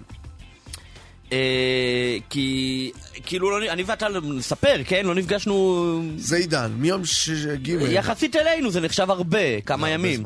כן. אנחנו נפגשים כל הזמן. גם לא עשינו מנדי ביטן כבר איזה שבועיים כמעט. כן, למעט יום. אז אה, וכאילו אני מרגיש שאני רוצה לנצל את הזמן הזה של לדבר ברדיו, לפטפט. לפטפט איתך. נכון. מצד שני אנשים מאזינים, אנחנו גם פה בתפקיד. נכון, נכון. אני רק רוצה שלישי, להגיד רגע, לכם... רגע, רגע, מצד שלישי, אולי המאזינים דווקא ישמחו. אני, אני חושב שאם המאזינים היו שומעים, הרי זה שנים אני, אנחנו אומרים שאם המאזינים היו שומעים מה קורה פה מרגע שאנחנו יוצאים לחדשות עד שאנחנו חוזרים למנדי ביטן, כן. הרי זה החלק היותר טוב. נכון. זה החומרים היותר טובים. והרמות הרכילויות. כי גם בשידור לא מדברים פה מאוד מאוד... אה, ברומו של עולם. מהוקצע. זה לא עכשיו התוכנית שבה, שהייתה אתה בא להורים. זה לא תוכנית שבה אתה אומר להורים, אני מקשיב למנדי ביטן כל פעם. לא, אתה אומר להם, אני מקשיב לשיעור תורה, אני מקשיב לפה. כן, קולי ככה מצטרד לו פתאום. זה לא, כן. טוב, אה, אז בסדר, אנחנו ננסה לעשות גם וגם. גם אני רוצה לפטפט איתך, כן. ויסלחו לי המאזינים, וגם אנחנו נתעסק בעניינים אה, הרלוונטיים. ברומו של עולם. אה, טוב, אה, אנחנו נדבר הרבה על אה, דברים שאני מאוד מחובר אליהם, כי אני חושב שזה באמת במוקד. אה, החבר'ה שגרים, אה, שמע, כמה פעמים שלא נגיד את זה, זה עדיין מפתיע אותי. אחי, כ-200 אלף אנשים שלא גרים בבית שלהם, זה מטורף לגמרי, זה מטורף לגמרי. עדיין בבתי מלון, אתה יודע מה זה, כמה חודשים זה בבתי מלון? בטח, יש הרבה בבתי מלון עדיין. עדיין בבתי מלון, זה בלתי נתפס, בלתי עשרות, מה. זה עדיין? עשרות אלפים שם. שמע, זה, כשלעצמו, זה. פשוט אסון שאתה כאילו חודשים... אה... שוב, אני רוצה להגיד משהו. אני רק חושב על הילדים, רגע? על הילדים, אתה יודע, בעזרת השם בקרוב ממש יחזרו לביתם, ותחשוב עוד חצי שנה אבא ואמא אומרים, יאללה, נופש, חסכנו כסף, לא, הולכים לבית מלון. בום. כל הילדים, לא, בדיוק, כאילו, הם לא רוצים. זה כבר לא יהיה כיף, אני לא יודע אם הילדים האלה ייהנו אי פעם מבית מלון. וחבל, כי בית מלון זה דבר נורא נחמד. אני אומר לך שאני, בפעם הבאה שאני צריך ללכת לבית מלון, כן. אני מיד אחשוב על הדבר הזה. כאילו לא, גם כשאתה הולך למלון, נגיד יש לך שלושה ימים, כן. ביום ה... בסוף זה כבר לא נעים. בסוף כן. החדר לא נעים, ואם אתה צריך להישאר פתאום עוד, מעבר לזמן, לא, לא, דווקא לא, אני לא. בסדר, אתה הולך לבד. לא, לא תמיד. אתה הולך עם משפחה, אבל לבית מלון. משפחה, הייתי. בסדר, מה, אני אומר לך, זה, אצלי זה... הייתי עם חברים, הייתי עם משפחה, הייתי כל מיני. חברים זה שונה. אבל משפחה תשמע, גם. תחשוב, ש- טוב, כמה ילדים גם. זה... יכול להיות. אגב, אני מאוד אוחז מהעניין של בית מלון, כי יש כל מיני אסכולות במהו נופש. כן. או נופש. עכשיו, בחסידס, האסכולה שלך זה הנופש הוא לא לנקות אחריך. האסכולה שלי שנופש זה, זה מצווה סלוי תעשה. זאת אומרת, בנופש יש בעיקר מצווה סלוי תעשה. אל תעבוד, אל תשקיע. לא, זה, זה, זה הנופש. שב ואל תעשה. זה, הנופש זה שב ואל תעשה. אני ההפך. אני חושב אה, שנופש זה קום ועשר. בדיוק, שזה שב אה, מצווה תעשה. קום, ועשר. קום, ותלך לך לשם, ותעשה את המסלול ההוא. לא, לא. מסלול, אבל כאילו, תעשה, שים את זה, לרד לבריכה, תעלה לזה. אוקיי, לא, אני כן אעשה את זה, אבל אתה יודע, זה הכל בגדר שב ואל תעשה. צא אה, למסיבה, צא לזה. צא- כן, מה שיוצא. אוקיי. בסדר, אסכולות. אסכולות אל- שונות, אלו ואלו, אלו ואלו. לא, אני, אני אומר, אה, צריך לשלב בין הדברים. נכון, נכון. נכון. שכל אחד יסבול קצת גם מה... כן. עכשיו, באסכולה שלי, בית מלון זה כאילו הדגל. כי מה זה בית מלון? מה מה המילים בית? בית ללון בו. כן, מלון מלשון לינה. אה, זה לא מלשון מלונה? סתם, זה כן. זה גם אותו מלונה דבר אותו דבר, מבחינתי. כן. זה מאוד דומה, מה עושה כלב במלונה? רובץ. רובץ לו. חושב. חושב. דן ב- בדברים. בית מלון זה מקום לרבוץ בו. כן. אני מאוד אוכל מההמצאה הזאת. אומרים בית. עכשיו, לכאורה, מה זה בית מלון? אתה ישן גם בבית. זה לא אותו דבר. זה לא אותו לא, דבר. אני לא, אני- אני כאילו. תמיד חושב המצעים, אה? מי ישן על המצעים, מי לא ישן על המצעים. אין, אני לא קולטת. מה? יהודי אחר. מה, למה אני יותר טוב ממנו? מה? נכון, נכון. כן. ואולי פתאום יהיה, אם מגרד לו בגב, יגרד גם לי. אתה אומר, לחלוק, צרה של הציבור, יפה, יפה. נו, אז אני לא אסתובב בעולם? כי לא, כי נכון, חיידקים לא, אבל עוברים? במלון, במלון... מחפשים אבל, מחפשים, מה עכשיו? הכל לא, בסדר. יפה, בסדר. לא, אני אוהב בתי מלון, אני אוהב בתי מלון. אני אגיד לך מה אני אוהב בבתי מלון, אבל כן. אתה יודע מה אני אוהב בבתי מלון. לא נעים לי להגיד. נו. אני אוהב את הדבר הזה שאתה נכנס לחדר אוכל ויש... מלא אוכל. שפע עצום. עכשיו, אני לא כזה אוכל הרבה. לא קשור, לא קשור, לא קשור. השפע האדיר הזה ש, שחונק אותך ב, ב, ב, ב, בדבר הזה. תשמע מה אתה יכול, ויש לך כמה סוגי גבינות, וכמה זה, וכמה זה, וכמה זה. מה אני אגיד לך, אני ילד קטן אולי, אבל אני, הרגע הזה הוא רגע אדיר בשבילי. רגע מש- משובב נפש. לכן אנשים אומרים לי, אם אתה רוצה שלוש, ארבע, גם אם היה ארבע ארוחות במלון, הייתי לוקח ארבע, לא בשביל לאכול, בשביל הרגע שאתה נכנס עם הצלוחית, וכל האוכל הזה תוקף אותך, מה לעשות? כן. אני, אני יהודי איך פשוט. בחסידס מגדירים נופש? לא נופש, תענוג, מדובר הרבה על מידת התענוג, יש רצון ויש תענוג. כן, הקדוש ברוך הוא מתענג על, כן? כן.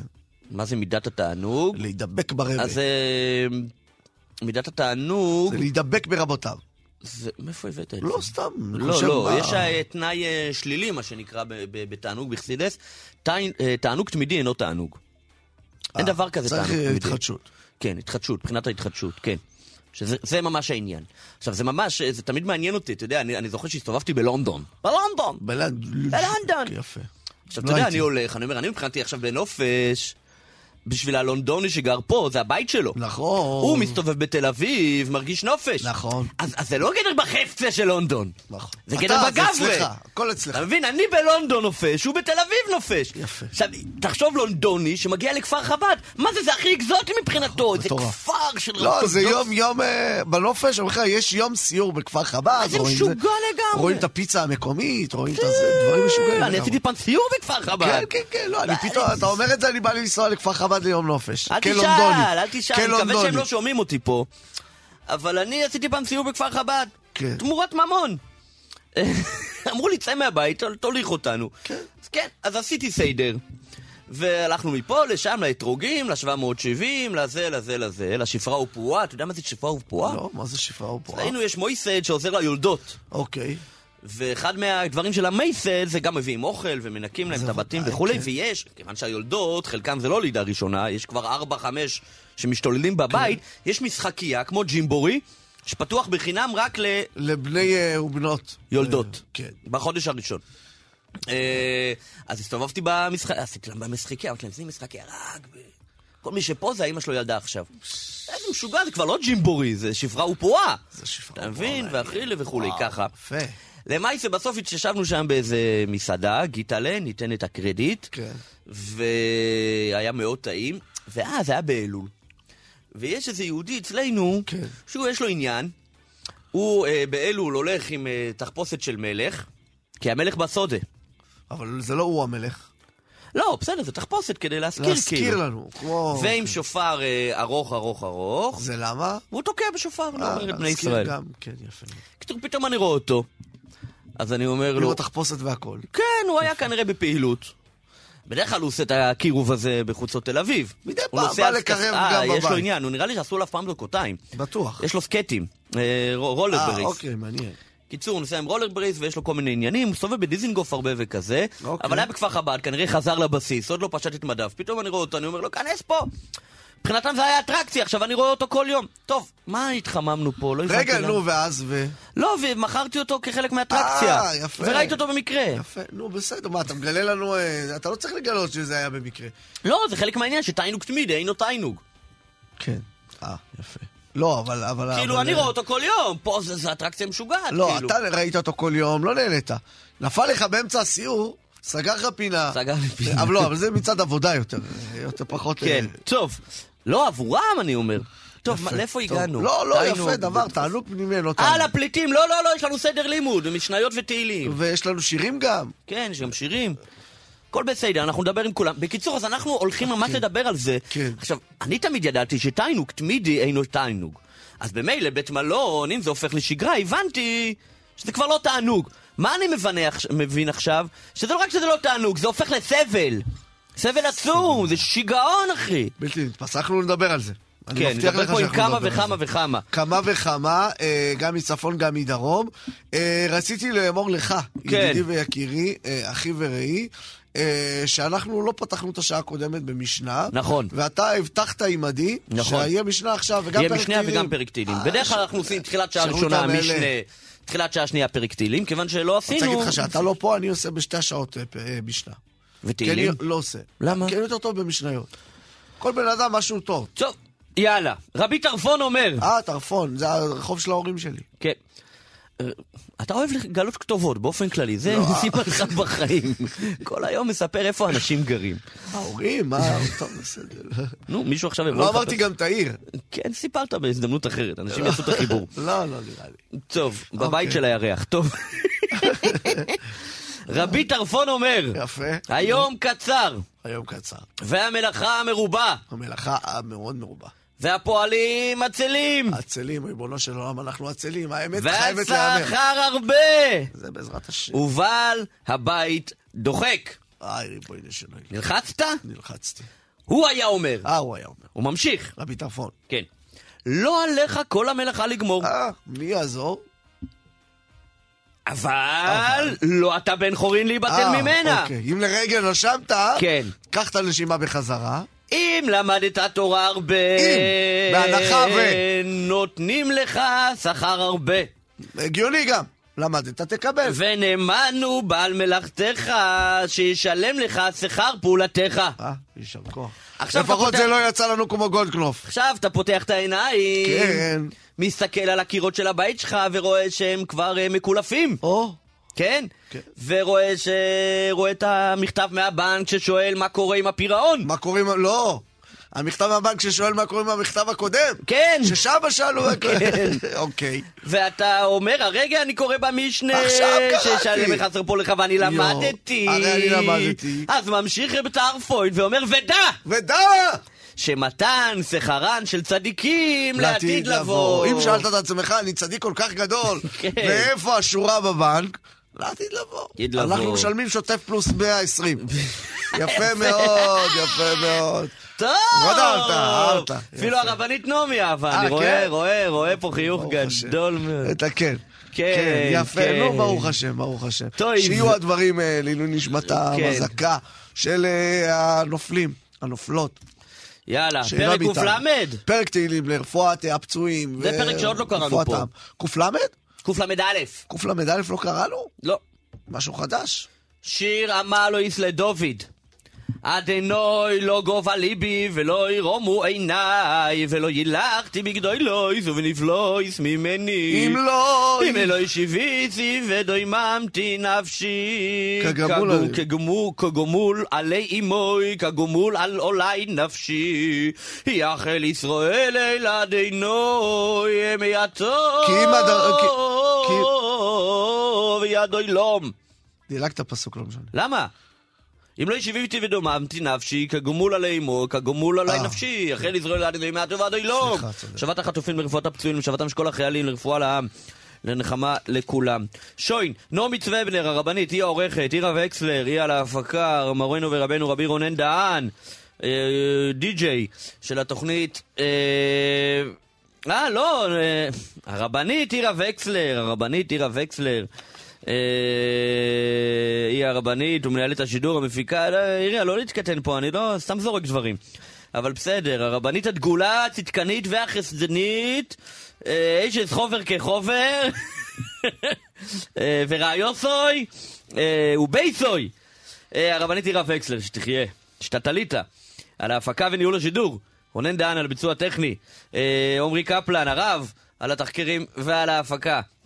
אה, שהשם יעזור לכולם. אתם יכולים לכתוב לנו רבו ישראל ל-0, חומש, חומש, 966, 3991, 055, 966, 3991. אנחנו מתחילים. אוקיי, טוב, רבו ישראל, שימו לב. יגאל בן דוד הוא תושב שדרות. שלום יגאל. אהלן, שלום. איפה אתם גרים היום? היום אנחנו גרים בבאר גנים. אוקיי, ומה... מה זה בארגנים? מה, תסביר. איפה באר אתם? גנים זה ליד אשקלון, מושב ליד אשקלון, המפונים של גוש קטיף. אה, ההורים שלי, אנחנו מפונים מגוש קטיף, באתי להורים בעקבות הפינוי משדרות. תגיד, אה, אה, אתה לא, להורים, נותנים לך עדיין אה, אה, שכר אה, כעיקרון, אם היית צריך לשכור דירה או משהו? אה, כן, כרגע עדיין נותנים, בינתיים זה מאושר עד סוף פברואר. סוף פברואר. שזה אוטוטו. אה, אוטוטו, כן. עכשיו אין לכם שום יציבות, זאת אומרת, אתה... כל חודש צריך לדעת מה קורה. מתחילת המלחמה הם אה, עושים כל הנחות חודש. יציבות. אומרים לך, עכשיו זה מאושר עד אה, חודש 12, אחרי זה עד חודש ראשון. כל פעם נותנים לך, אתה לא לא- לא למד מה יש לך לעשות. תחושה, ש... תחושה כזאת די מבוססת שדוחקים בכם לחזור. אתה מרגיש את זה? דוחקים מאוד לחזור, מנסים בכל דרך אפשרית. אה, אנחנו, אני ניסיתי לפני שלושה שבועות, שבועיים, לחזור לבית. אז בוא, בוא נאמר רגע, בוא. נאמר רגע. אתה לא סירבת, אתה ניסית. ניסיתי. ובוא תספר לנו את הניסיון, כן. אה, אמרתי, טוב, שלחו בקבוצה של שדרות שעכשיו רגוע, חבר'ה מאוד קומץ קטן שחזר, אמרתי, טוב, זו הזדמנות ללכת להביא קצת משחקים לילדים, הילד כל כך רצה לראות גם את הבית. חזרנו לשם במשך שעתיים, הפצצות של צה"ל, לא של עזוב אפילו צבע אדום, שמרעיד את כל הבית, הילד לא יצא מהממ"ד במשך שעתיים, כל שנייה אבא בוא לממ"ד, אבא בוא לממ"ד, אתה מנסה להסביר לו שזה הפצוץ של צה"ל. הוא לא מצליח להבין את זה, הוא כולו רועד מפחד. אה, זה לא העניין, אנשים צריכים, זה, הוא רואה חיילים בכל מקום בשדרות. הוא לא מצליח להבין מה זה. זה, זה לא שגרה, זה לא משהו שאפשר להגיד, טוב, בוא נחזור לשגרה. זה לא משהו רגיל. זה משהו ש... אין, זה משהו שמי שהיה שם בשבת הזאת, הילדים בעיקר, זה משהו שהם חוו שהוא טראומה. שבום, זה לא משנה שצריך להיות בום של צבע אדום או כל דבר, כל בום זה מקפיץ אותם. ובמשך שעתיים כל בום של מטוס או משהו הקפיץ לו את השמיים. הוא לא הפסיק מרוב פחד, כולו רועד. אני אחרי שעתיים כבר ברחתי משם, לא הייתי מסוגל להישאר שם יותר. ועצוב שהם מנסים אה, בכל דרך להחזיר אותנו, ולהגיד העיקר תחזרו, והעיקר אה, יאללה, בואו תמשיכו להיות איזה ברווזים. ובזמן שכל אחד חי את החיים שלו כרגיל. אולי נחזור קודם לאותה שבת ותספר לנו מה עבר עליכם אז. אה, עבר עלינו שבת, משבת בבוקר, משש בבוקר התחילה שבת מאוד קשה של אה, צבע אדום בקטע מטורף, בלי סוף. ואחרי כמה דקות אתה כבר מתחיל לשמוע יריות מתחת לבית. אה, ואז אה, אנחנו אנשים ששומרים שבת, אז אתה שומע רק קונספירקציות מהשכנים שהוא מספר לך היה ככה וזה היה לך ככה. ואחרי שעה אתה רואה כבר טנדרים מסתובבים לך בכביש ממול. אה, וזהו, ואז משמונה בבוקר אתה יושב בתוך ממ"ד, 24 שעות, לא זז. שומע רק בומים, רק אה, מנסה להעביר את הזמן בצורה כלשהי, להרגיע את הילדים. שומע יריות בכל מקום. ואתה אומר כמה זמן זה יכול להימשך כבר, 24 שעות. איפה, אני עוד מהגוש קטיף לא זוכר מקרה שלוקח כל כך הרבה זמן לנטרל אותו. איפה, איפה כל העולם היה? ואנחנו ביום ראשון, אה, באותו רגע אמרתי, היה לנו כמה שעות אה, שאמרו לנו שאפשר לצאת. באנו לצאת, הגענו למעלית ושמענו בום מחריד אוזניים, נפל בדיוק בבניין ממול. אה, שזה בכלל העלה את הטראומה עוד יותר של כל בום קטן שמקפיץ את הילדים דבר כזה. אה, הצלחנו לצאת משדרות, פתאום באמצע הכביש עומד שוטר עם נשק באמצע הכביש, מכוון עלינו, אומר לנו, תעצרו מיד את הרכב, כנסו לתוך השיחים. עבר בדיוק עוד טנדר של מחבלים, וזה ביום ראשון בבוקר. עובר עוד טנדר של מחבל שהצליחו לנטרל אותו במזל. אה, עברנו שם, ברוך השם, הרבה ניסים, כן? אה, אין משהו אחר להגיד, אני לא יכול להגיד שיש שום דבר אחר חוץ מנס עזר. את הניסים, הכל זה בורא עולם. לא יכול להגיד שהמדינה או מישהו הצילה אותנו. אבל אה, ברוך השם, אה, יצאנו כולם בריאים ושלמים בגוף. בנפש קצת פחות, אבל בגוף יצאנו בריאים ושלמים. וכרגע אנחנו לא יודעים, מחכים אה, לראות מה יגזרו עלינו. אתה שואל את הילד... בן כמה הוא? הילד כרגע בן שלוש וחצי, אנחנו... אתה אומר לו רוצה לחזור הביתה, מה הוא אומר? כרגע הוא פחות מעוניין לחזור לשדרות. הוא אומר, אני לא רוצה אחרי השעתיים האלה. בהתחלה הוא מאוד רצה, הוא שיגע אותי, אני רוצה בית, רוצה בית. היה שם שעתיים, הוא כבר לא רוצה לחזור לבית. אה, כרגע הוא נכנס פה לאיזה סוג של מסגרת אה, בתוך גן, שמצאנו לו פה בבאר גנים. אבל עוד פעם, הם אומרים לנו עכשיו, לא, אתם צריכים לחזור לשדרות, לא ייתנו לכם את הזה של המעון, לא את זה, אולי תצא... כאילו, הכל באי ודאות. ואתה לא יודע מה לעשות, אתה רוצה, כאילו הילד כבר חלף, הוא כבר צריך לקבל מסגרת, הוא צריך לקבל משהו מסודר, ואתה לא יודע מה לעשות. תנו לנו כבר דדליין, תגידו לנו, תקשיבו, עד לפה, מפה, אנחנו כבר יודעים להתמודד. אבל אי אפשר כל חודש להציב אותנו באפשרות של כן, לא, שחור, לבן. אתה בקשר עם תושבים אחרים משדרות, שנמצאים במקומות שונים, עם העירייה? אתה מרגיש איזשהו גיבוי לפחות מהעירייה, מהרשות המקומית? הגיבוי מהעירייה הוא מדהים. קודם כל, תמיד מעדכנים אותנו, תמיד מרגיעים אותנו, אנחנו פה, אנחנו בשבילכם. אם מישהו צריך משהו, מבחינת העירייה, באמת, גיבוי מלא. במיוחד ראש העיר, חייב להגיד כל הכבוד, מוריד את הכובע בפניו. אמ, אבל עוד פעם, בסופו של דבר, אתה יודע, זה משהו שהוא פחות בהישג ידו, כן? הוא מנסה כמה שהוא יכול. אבל אה, ואם נגיד המדינה תגיד זהו, חוזרים, יש סיכוי שפשוט קבוצה כל כך גדולה של תושבים תודיע שהיא לא חוזרת ואז המדינה תיאלץ אה, להיכנע פה? קודם כל, המון אנשים לא יחזרו. ירצו או לא ירצו, אנשים לא יחזרו. אתה תחזור? אני, אני אישית כבר לא יוציא את הילד מהמסגרת. כרגע לפחות סוף שנה זה לא יקרה. אז אתה תישאר אצל ההורים. אני כרגע, עד סוף שנה, לא יוצא מההורים, נשאר פה לא משנה מה. יגידו לחזור, לא לחזור, לא מעניין, להתמודד עם מה שצריך. אה, כי בעיקר בשביל גם הילדים, אין מה לעשות, הם כבר צריכים כן. מסגרת. אי אפשר באמצע שנה, מה, עכשיו מה, תחזיר אותנו ואז מה? מתי ייכנס כן. המסגרת? עד שיתחילו המורים להיכנס, עד שזה, עד שהם נכנסו לזה. עכשיו, איפה, תכניס אותם? מאיפה הם יחזרו לבית ספר? מאיפה הם יתחילו ללמוד?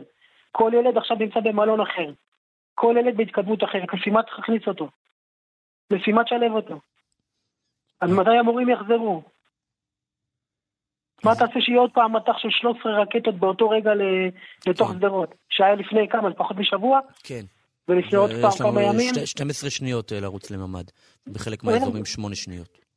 בדיוק, ועכשיו, במיוחד עכשיו, שאתה שומע היום שדובר צה"ל אומר לך שבמידה ותפסיק, כל, עוד- אסור להחזיר את העוטף בגלל שכולם יהיו חטופים.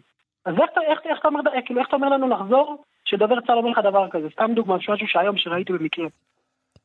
כאילו, דברים שכאילו, אתה אומר כאילו, על, על בסיס מה אתם אומרים לנו לחזור? כל עצם זה שכל. החיילים בשדרות, זה עצוב. על בסיס האקסל. המספר. בדיוק. הם- הכסף. זה, זה בדיוק העניין, זה עצוב, זה, זה הבעיה. יגאל בן דוד, תושב שדרות וכיום בבאר גנים. חיבוק גדול, זה לא הבעיה שלכם, זה הבעיה של כולנו, ואנחנו אה, נמשיך ונהיה בקשר. תודה. נשמע ימים טובים, תודה רבה. אמן, אמן. ועם אה, התמודדות אה, דומה מאוד, אך שונה, אה, גם תושבי הצפון המפונים מביתם. רז מלכה, תושב קריית שמונה, שלום, בוקר טוב. שלום, בוקר טוב. איפה אתה גר היום? אני היום נמצא בהרצליה, אבל עכשיו אני נמצא ביחד עם המשפחה בבית המלון בטבריה, במקום שבו הם מפונים. אתה גדלת בקריית שמונה? כן. אני כל החיים חייתי בקריית שמונה, גדלתי שם. וחשבת המקומות- להשתקע. ברור, חד משמעית. אחד, אני חושב שגם שכל מי שגודל בצפון יודע וחווה את זה גם היום כשהוא נמצא במרכז, את השוני ב- בתחושה. הצפון הוא אזור מאוד שקט ופסטורלי, שאני חושב שמי שגדל בו וחי בו את מרבית החיים שלו, קשה מאוד לצאת מהצפון. שישי באוקטובר, ספר לנו על החלומות שלך. בשישי לאוקטובר. בשישי לאוקטובר, לגבי קריית שמונה. איך ראית את העתיד שלך? לג... א' כל, קריית שמונה זאת עיר שבשנים האחרונות מתמודדים איתה עם המון הגירה שלילית. אומרת שבני הנוער הצעירים והדור הצעיר במיוחד, לא רק בקריית שמונה, בכל הגליל, מגיע לגיל מסוים ועוזב, אם זה לצבור השכלה גבוהה, לצבור אה, מעמד גבוה יותר, תעסוקה ברמה גבוהה, וזה אחד הבעיות של קריית שמונה ובכלל כל הגליל מתעסק איתו בימים שלפני. אבל הגליל היה במצב של תנופה מאוד ענקית. אנחנו ראינו שקריית שמונה התברגה בפעם הראשונה בשנה האחרונה באחד ממאה הערים המשפיעות ביותר בעולם בהייטק. הגיעו סטארט-אפים שלמים שהגיעו לצפון. החקלאות בשילוב הפודטק וכל הגליל והקיבוצים בסביבה עברה קפיצה משמעותית. הגליל היה במצב של תנופה ממש עד השישי לעשירי, ובבוקר השביעי לעשירי הצפון התעורר לבוקר אחר לגמרי. כן. ממש כמו שסיפר הבחור פה, האזנתי לחלק מהדברים. אני רוצה להגיד שגם אצלנו אחד החששות הכי גדולות, הרי בסופו של דבר, ובשלוש שנים האחרונות אנחנו חיים עם חשש שמה שקרה בדרום בעצם בשביעי לעשירי, זה היה תרחיש הייחוס אצלנו בגזרה. לא היה אחד בצפון שלא הלך לישון בלילה בשנים האחרונות עם איזושהי עננה שמה שקרה בשביעי לאוקטובר יכול או יכל לקרות אצלנו בכל רגע נתון. וזה בא לידי ביטוי גם בשביעי לאוקטובר, שהמון תושבי הצפון נעלו את עצמם בבתים ממש בעת הידיעה כן. שהתחיל האירוע בדרום. אנחנו היינו בטוחים, כולנו, כולנו היינו בטוחים שזה עוד רגע מהצפון. הזה האירוע הזה הוא מתואם. אצלנו אבא שלי בריצה הגיע לבית בקריית שמונה, העיר את כולנו, ביקש מאיתנו להיות מוכנים, כן. ו- וממש היה כוננות, ספיגה, כל השעות הראשונות, עד שכבר הרגשנו גם שצה"ל תפס נוכחות גם בגזרה הצפונית. ואז אתם מפונים, המשפחה לבית מלון בטבריה, כן. ואתה רואה את עצמך חוזר לשם? היום? היום, היום אני חושב שזה, אנחנו מדברים גם אחרי יום שכולנו ראינו את כמות האזעקות והאירועים שקרו אתמול. כן. מעל 15 שיגורים לקריית שמונה. ואירוע קצת, אה, קצת פטאלי, במיוחד לשאול את זה אחרי שאנחנו מבקרים שם מדי פעם, אנחנו רואים את ההרס מול העיניים. אני שואל, ההרס- אני, אני שיערתי את התשובה, כן? אבל. ההרס, ההרס הזה גם לא משתקף החוצה, בגלל זה, בגלל זה גם uh, הרבה פעמים מתבצע הדיסוננס שאנחנו שומעים בתור תושבי הצפון, שיח לגבי החזרה לבתים. או לגבי עיצוב המציאות מחדש שמתבצע היום בשטח. כי כשאנחנו מגיעים לצפון, אנחנו יכולים ממש להביט ימינה ושמאלה, להסתכל על לבנון ולראות אם המציאות עוצבה בשטח. ואנחנו לא רואים את זה קורה. מה אתם רואים? שוב פעם, אנחנו בסופו של דבר מאמינים שלצה"ל יש את היכולת, וכל מה שצריך לעשות זה להגדיר לו את היעדים. אנחנו רואים את זה, ואנחנו גם מרגישים את זה, אנחנו רואים את זה בדרום, אנחנו רואים את, את איך מיטב הבנים שלנו לוחמים שם, אבל מה שאנחנו רואים היום זה דיבור על תחושות. אנחנו לא רואים את הביטחון מתעצב בצורה אקטיבית בשטח. כי בסופו של דבר אנחנו רואים איך יום אחרי נאום דובר צה"ל, הצפון חוטף מטחים קולוסליים לכל אורך הצפון. אתמול ראינו יום שלם של אזעקות מהבוקר עד הלילה. אתם מרגישים מצד המדינה איזושהי, אה, איזושהי דחיקה לחזור כבר? אמ, אני לא יודע להגיד אם אנחנו מרגישים דחיקה. איך זה כן עובד? הרי להגיד- יש לכם, נגיד להורים, אנחנו מרגישים אישור- חשש, יש עננה. יש עננה. יש עננה, אין ודאות. בדיוק, יש עננה. אנחנו חיים בין החלטה להחלטה. כן. מגיעה החלטה של שר הביטחון שעוברת לשר האוצר שיאשר את המשך הפינוי בעוד כחודשיים. אנחנו יודעים שיש לנו עוד חודשיים.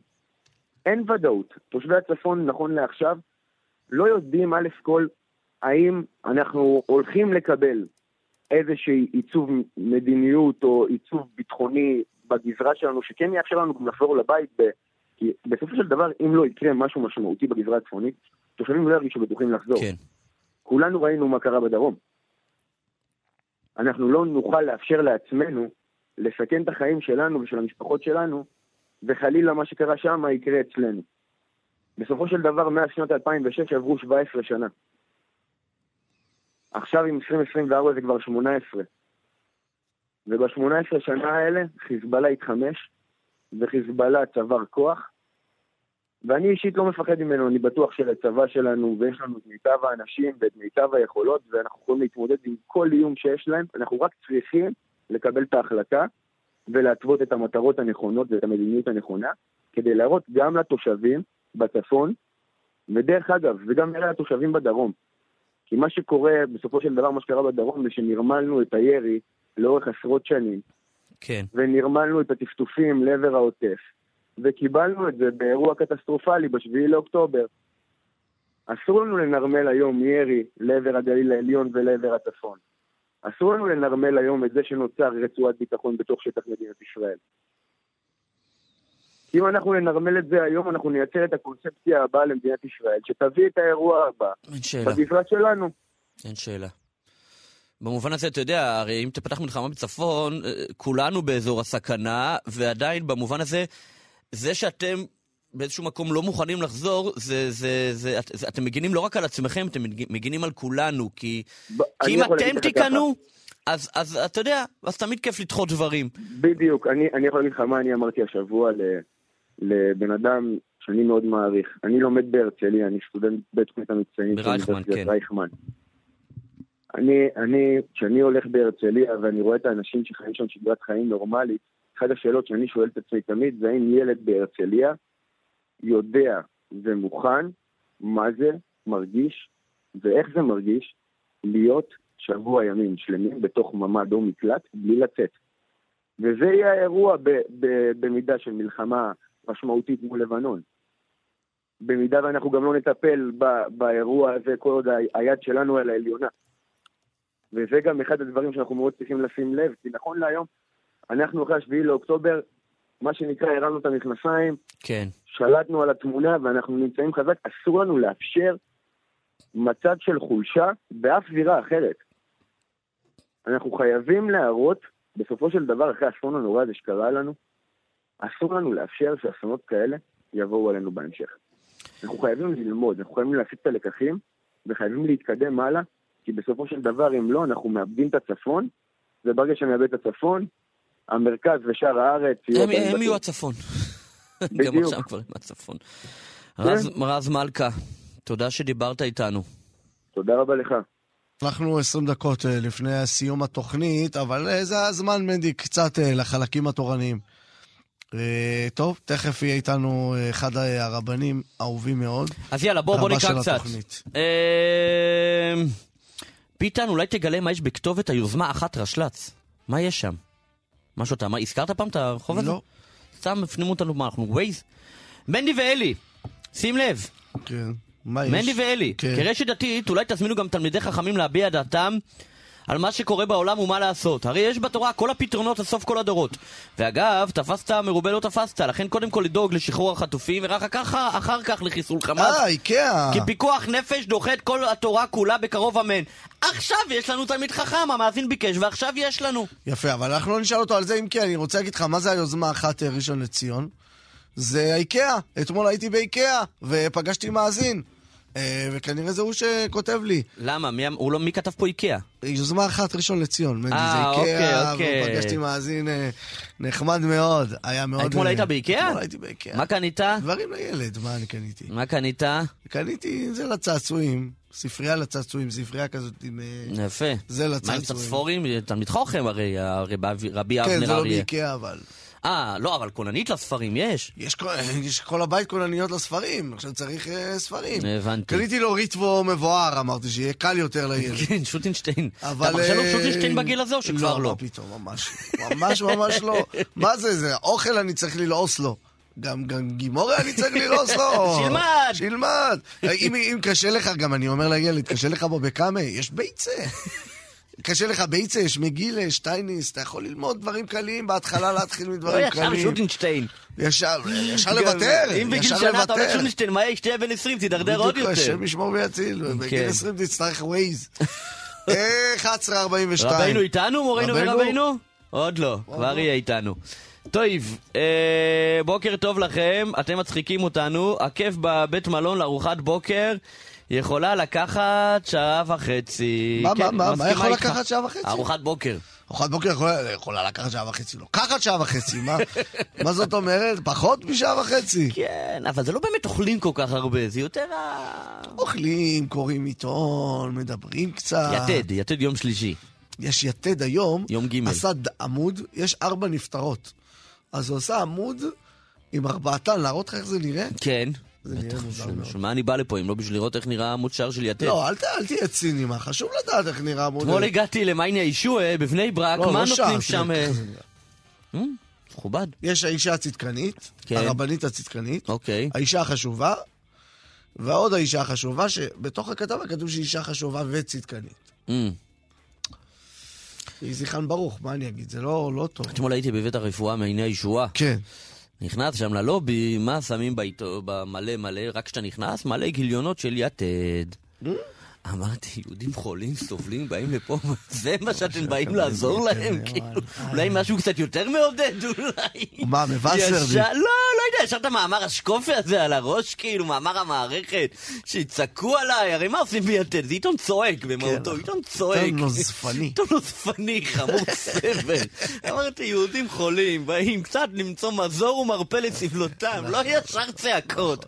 כן, אני חושב, גם, אתה יודע, נגיד יתד אולי המוסף התורני, קצת דברים כאלה. נראה לי לא, הכל שם נוזפני. כן, גם המוסף התורני, למה יצאה המהדורה הזאת ולא מהדורה... הכל אה, נזפני. זה, יש משהו משותף, ששנים אני אומר, שמשותף ליתד והארץ. כן, נכון, ששם. זה עיתונים נוזפניים, תמיד נוזפים בך. אה, אתה קורא ואתה מרגיש שאתה לא בסדר. אבל אנחנו היום אה, נפליג, בגלל שפתחת בענייני עיתונות, כן. אנחנו נפגין, לא, לא, לא עיתונות, אבל משהו דומה, אוקיי. ירחונות. סתם, אה. ירחונאות, אבל אה, ירחונות תורנית. וזה קורה לנו אה, עם האורח הבא שלנו. זה לא אורח. אז איך, איך מגדירים את זה? אז בוא, תן לי לעשות איזה מסודר. אוקיי, מדי. שבוע הרב דוקטור חיים נריה, שהוא איתנו, שלום. שלום, שלום. עוצר! עוצר אוסף יהדות בספרייה הלאומית, הוא במדי שבוע לוקח אותנו ל... למסע. למסע בשבילי בין מדפי הספרייה הלאומית ובין הבוידם של הספרייה הלאומית, גופה שהספרייה הלאומית כולה היא הבוידם של העם. איך אני אוהב שמדי מתרגש מהעניין של אה, עצמו. ממש הבוידם של העם. קודם נכון. כל נפתח אה, בדברי נח- נחמה, אה, תלמידו של סבך, רב ברוך וייסבקר, הלך לעולמו. נכון, נכון, זה ברוך וייסבקר. משום מה ביתד אה, שמנדי הזכיר, לא היה כתוב את החלק הזה. לא היה כתוב. לא, אני גם אה, יותר מזה, הייתי, פתחתי הפלס, היה כתוב, בגיל 17 הגיע לישיבת פונוביץ'. אהה. לא היה כתוב מה אה, היה קודם. לא, איפה? ב- ב- ב- ב- בהפלס, על רב ברוך אה. באמת מעניין בגיל למה. 17 הגיע לישיבת פונוביץ'. ואז היה כתוב, אבל, אבל כן הם רמזו, אמרו שאם יגיעו ל- לישיבה, אמר לחבריו כי נגלה לו עולם חדש. אה, הבנתי. אה, מה קרה? מה היה העולם הישן? כן, עכשיו תקשיב, מה אני קורא יבין. בוויקיפדיה? ש- ויקיפדיה בסדר, ויקיפדיה זה עדיין לא שלנו. ת- לא, הרב נריה, כן. כתוב פה שהרב וייסבקר למד בישיבת בני עקיבא כפר הרועה, ולאחר מכן בעידודו של הרב נריה המשיך לפוניבז' בבני בני- בבני ברק. מה- נכון, נכון. טוב, תראה, סבא שלך יהודי גדול, ומה שצדיקים רואים, אה, אה, אבל אני הקטן שואל למה. יכל אה, להיות אתה לנו יכול- רב ציוני דתי, ועוד רב ליטאי, נו, מה יצא לנו? אה, אז אה, סבא שלי, זה, זה כבר, על הרב ליטאי זה באמת שאלה גדולה. סתם, סבא סתם, סתם, הרב וייסבקר יהודי גדול. וצדיק וקדוש וחשוב, ועליו השלום. מפוטר, אתה מפוטר. מהגשת הפינה. זה, ודרך אגב, גם אבא שלי למד בכל, למור, עזב את כפר רואה, למד בכל תרא, ואחרי זה בפונביז' ו... אל תשווה את קלטיירה לפונוביץ'. לא, אני אומר שהוא הלך. אה, אחר כך, אהה. כן, היה, תנועה של בחורים שלמדו... צריך לומר שלא היו אז הרבה אלטרנטיבות, זה זה העניין זה המרכזי. גם. נכון, כן. מרכז עדיין לא הייתה, ודאי כ... כן. התחילו קצת, וגם, דרך אגב, השבע ברכות של, של ההורים שלי היה בבית של רב בורוך וייסבקר. די. הגיע הרב מפונביז', הגיע סבא שלי, הגיע המשגיח אה, שהיה, אז אה, יש לנו גם תמונות ממש... אה, נשאר הקשר עם הרב נריה? אמ, אני, אני חושב ש... לא, כן, חושב אבל הברוכת לא של הילד ב- היה שם, אז אבל היה אז. אני, אני לא, אני, אני עצמי הלכתי לבית סמטס, חשבתי ללכת לשם, אבל זה כבר סיפור אישי. אה, והזדמנות מה זה, מה בפרטי. זה, זה אתה זה הכי מעניין. לא, רצה, הוא לא, שקל לא, זה ללכת. בפרטי, זה הסיפור. אבל אה, מרד נעורים זה- שכזה, מרד נעורים שכזה. לא, לא, ממערבה, זה היה אה. אחת האפשרויות, אבל... אה, אה, אבל בסוף זה, בוא נאמר, לא, זה, זה, זה, לא התקבלתי, ונכון שלא התקבלתי, לא נראה לי שהייתי מסתדר שם. לא, אני לא מאמין שבסמטס לא- לא- לא לא התקבלת. זה הפסד של בסמטס אה, גדול בכלל, הפסד של אה, כן. עולם התורה שלנו. לא, לגמרי. אולי. היית עוצר אוסף הספורים חיצוניים בישיבת אה, בסמטס. דווקא הרב לאו התקבל. הרב דוד לאו דווקא התקבל. אבל, אבל דרך אגב, אוי, אוי, אוי, אתה רוצה שאלו לסכסך אותי אותנו עם שאלה- כל עולם שאלו אותי התורה. לא, שאלה אני אומר, הוא פחות. מהרב לאו? גם הרב לאו גדול, וגם הוא גדול. מה, לא. חלילה, לא היה פה שום לא. ציניות. כן. שאלו אותי בלימוד שאלה מאוד טובה, ולא הייתי מספיק מפוקס עליה. מה, אתה זוכר את השאלה אבל? כן, אני זוכר את השאלה. מה השאלה הייתה? אה, זו שאלה במקף, אה, שם יש, אה, שאין אומרים, עדים שמעידים זוממים, והם אומרים שהוא חייב לו כסף מכאן ועד כך וכך יום.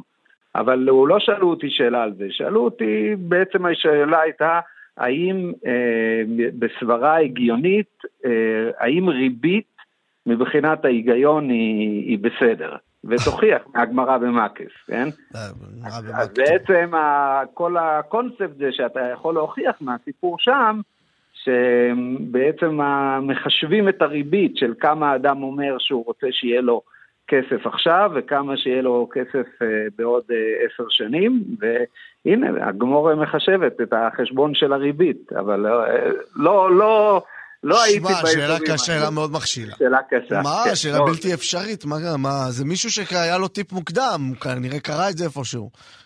לא, ברור, ברור, זה ובאחרון. מי שברייד, אז יש לו את ה...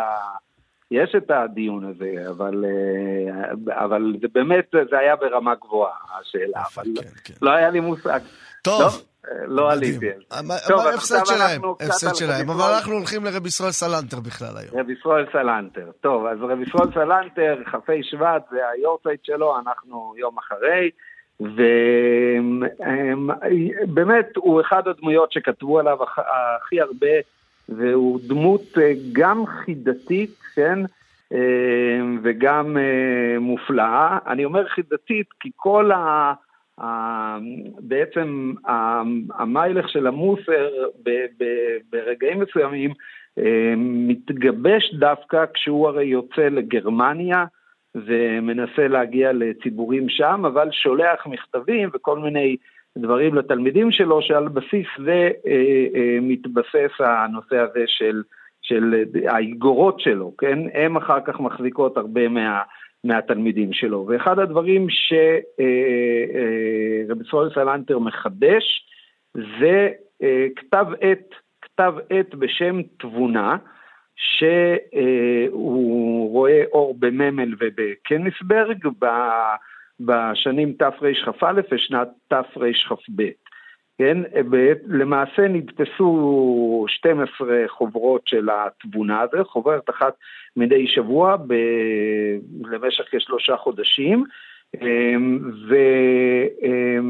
והחוברות היו קצרות, החוברת הראשונה הייתה עם מעט יותר עמודים, החוברות אחר כך אמ, אה, אה, פחות עמודים, ובחוברות האלה אה, מלבד העורך שהיה אה, רבי ישראל סלנטר אה, בעצמו, ומלבד הפרסומים של שאלות, חקירות, חידושים, ביאורים, למעשה הוא מצליח לגבש אה, אה, את העילית שבעילית של, של אה, הרבנים, אה, שרובם אה, הם, הם גם, חלקם מפרוסיה, חלקם מגליציה, אבל הם יוצאי ליטא, כן, שקרקע הגידול ו- זה בתי המדרש והישיבות של ליטא, רבי יוסף שאול נתנזון, רב מהרש קלוגר, אה, אה, רב מרדכי גימפל יפה, וגם גם אה, רבי יושב בר אה, סולובייצ'יק ורב אלחונון ספקטור, שהם כותבים אה, למעשה אה, חידושי תורה, וגם מי שתורם לחידושי תורה, גם בלמדנות וגם רבי ישראל סלנטר, ושהוא הוא מוסיף לזה גם את הנושאים של, של, של המוסר שלו. עכשיו, הרבי ישראל, אני, אני רוצה לומר משהו אה, על הסיפור הזה של כתבי עת. נכון, היו קצת עיתונים חרדים שהתחילו לצאת אז, איפה בעיקר בגרמניה. כן? Mm, כן. אמ, אצל ו- היקס, יקס. בדיוק, לא, עכשיו, אבל כתב עת זה בעצם סיפור של, של המשכילים. הנאורות, אחד הדרכים שבהם היא התפשטה, זה הייתה על ידי הוצאת כתבי עת, כן? כל, יש לנו שורות של כתבי עת ציוניים, שור, אבל זה לא רק הציונים, כן? זה הדרך שבה אנשים התאגדו סביב איזשהו רעיון, סביב איזשהו... זה, זה הדרך שבה היא עשתה אה, חבורה, כן? גם במרחקים גיאוגרפיים שונים, ובעצם בחשיבה, אני אפתח כתב עת, זה אחד הדברים החידתיים והמיוחדים אצל סול סלנטר, הוא בעצם משתמש בקונספט שהוא לא ישיבתי מבפנים, והוא, ו, ולמרות הכל הוא מבין שהוא, שהוא חשב, שהוא חשוב. עכשיו, אנחנו רואים את זה ממש גם ב... רבי סול סלנטר כבר מבין שהרעיון הזה חשוב, הוא מנסה לפתח אותו, הוא אומר, אני, יש לי תוכנית ל-50 חוברות, אבל בסוף, דווקא בקהל שלו, שזה היה היהודים אה, בעצם ברוסיה, התלמידי ישיבות, הם לא מספיק קונים, כן, את ה... לא שותפים לחוברות האלה, ואז ההכנסות לא הולמות את הציפיות שלו, והוא נאלץ בעצם להפסיק ולהפיץ את, ה- את, ה- את החוברות האלה, את שנקראות התבונה. ולמרות, אה, הוא כותב, גלי הזמן הם היעמדו לשטן ומרפים כל כוחות נפשי, אבל למרות הכל, גם בהמשך, כשפונים אליו עוד מישהו שרוצה לקחת את החלום שלו ולהדפיס כתב עת תורני, אז אה, רב ישראל סלנטר מאוד מאוד מאוד מעודד אותו. עכשיו, ב, ב, באמת, רב ישראל סלנטר גם מסביר, יש, יש דיון, למה, למה בעצם הוא הקים את קו העת. אז אה, יש רב דוב כץ של תורת המוסר, שהוא בא ואומר ש, שהוא רצה להפיץ את המוסר ככה, אבל אחד הטיעונים המעניינים זה דווקא אה, רב ישראל סלנטר היה אה, אחד ההתלבטויות שהוא התלבט בנערותו ובצעירותו, היה ההתלבטות בין שיטת הפשט מבית אה, אה, הגר"א, רב חיים מוולוז'ין, ומי שהשפיע עליו הכי הרבה, רב זונדל מסלנט, לבין שיטת הפלפול, שמאוד משכה אותו. והוא הרגיש שבשיטת, הוא ויתר על ה, בהרבה פעמים על הפלפול שלו, והכריח את עצמו ללמוד פשט, ו, והוא מדבר שזה היה קשה לו.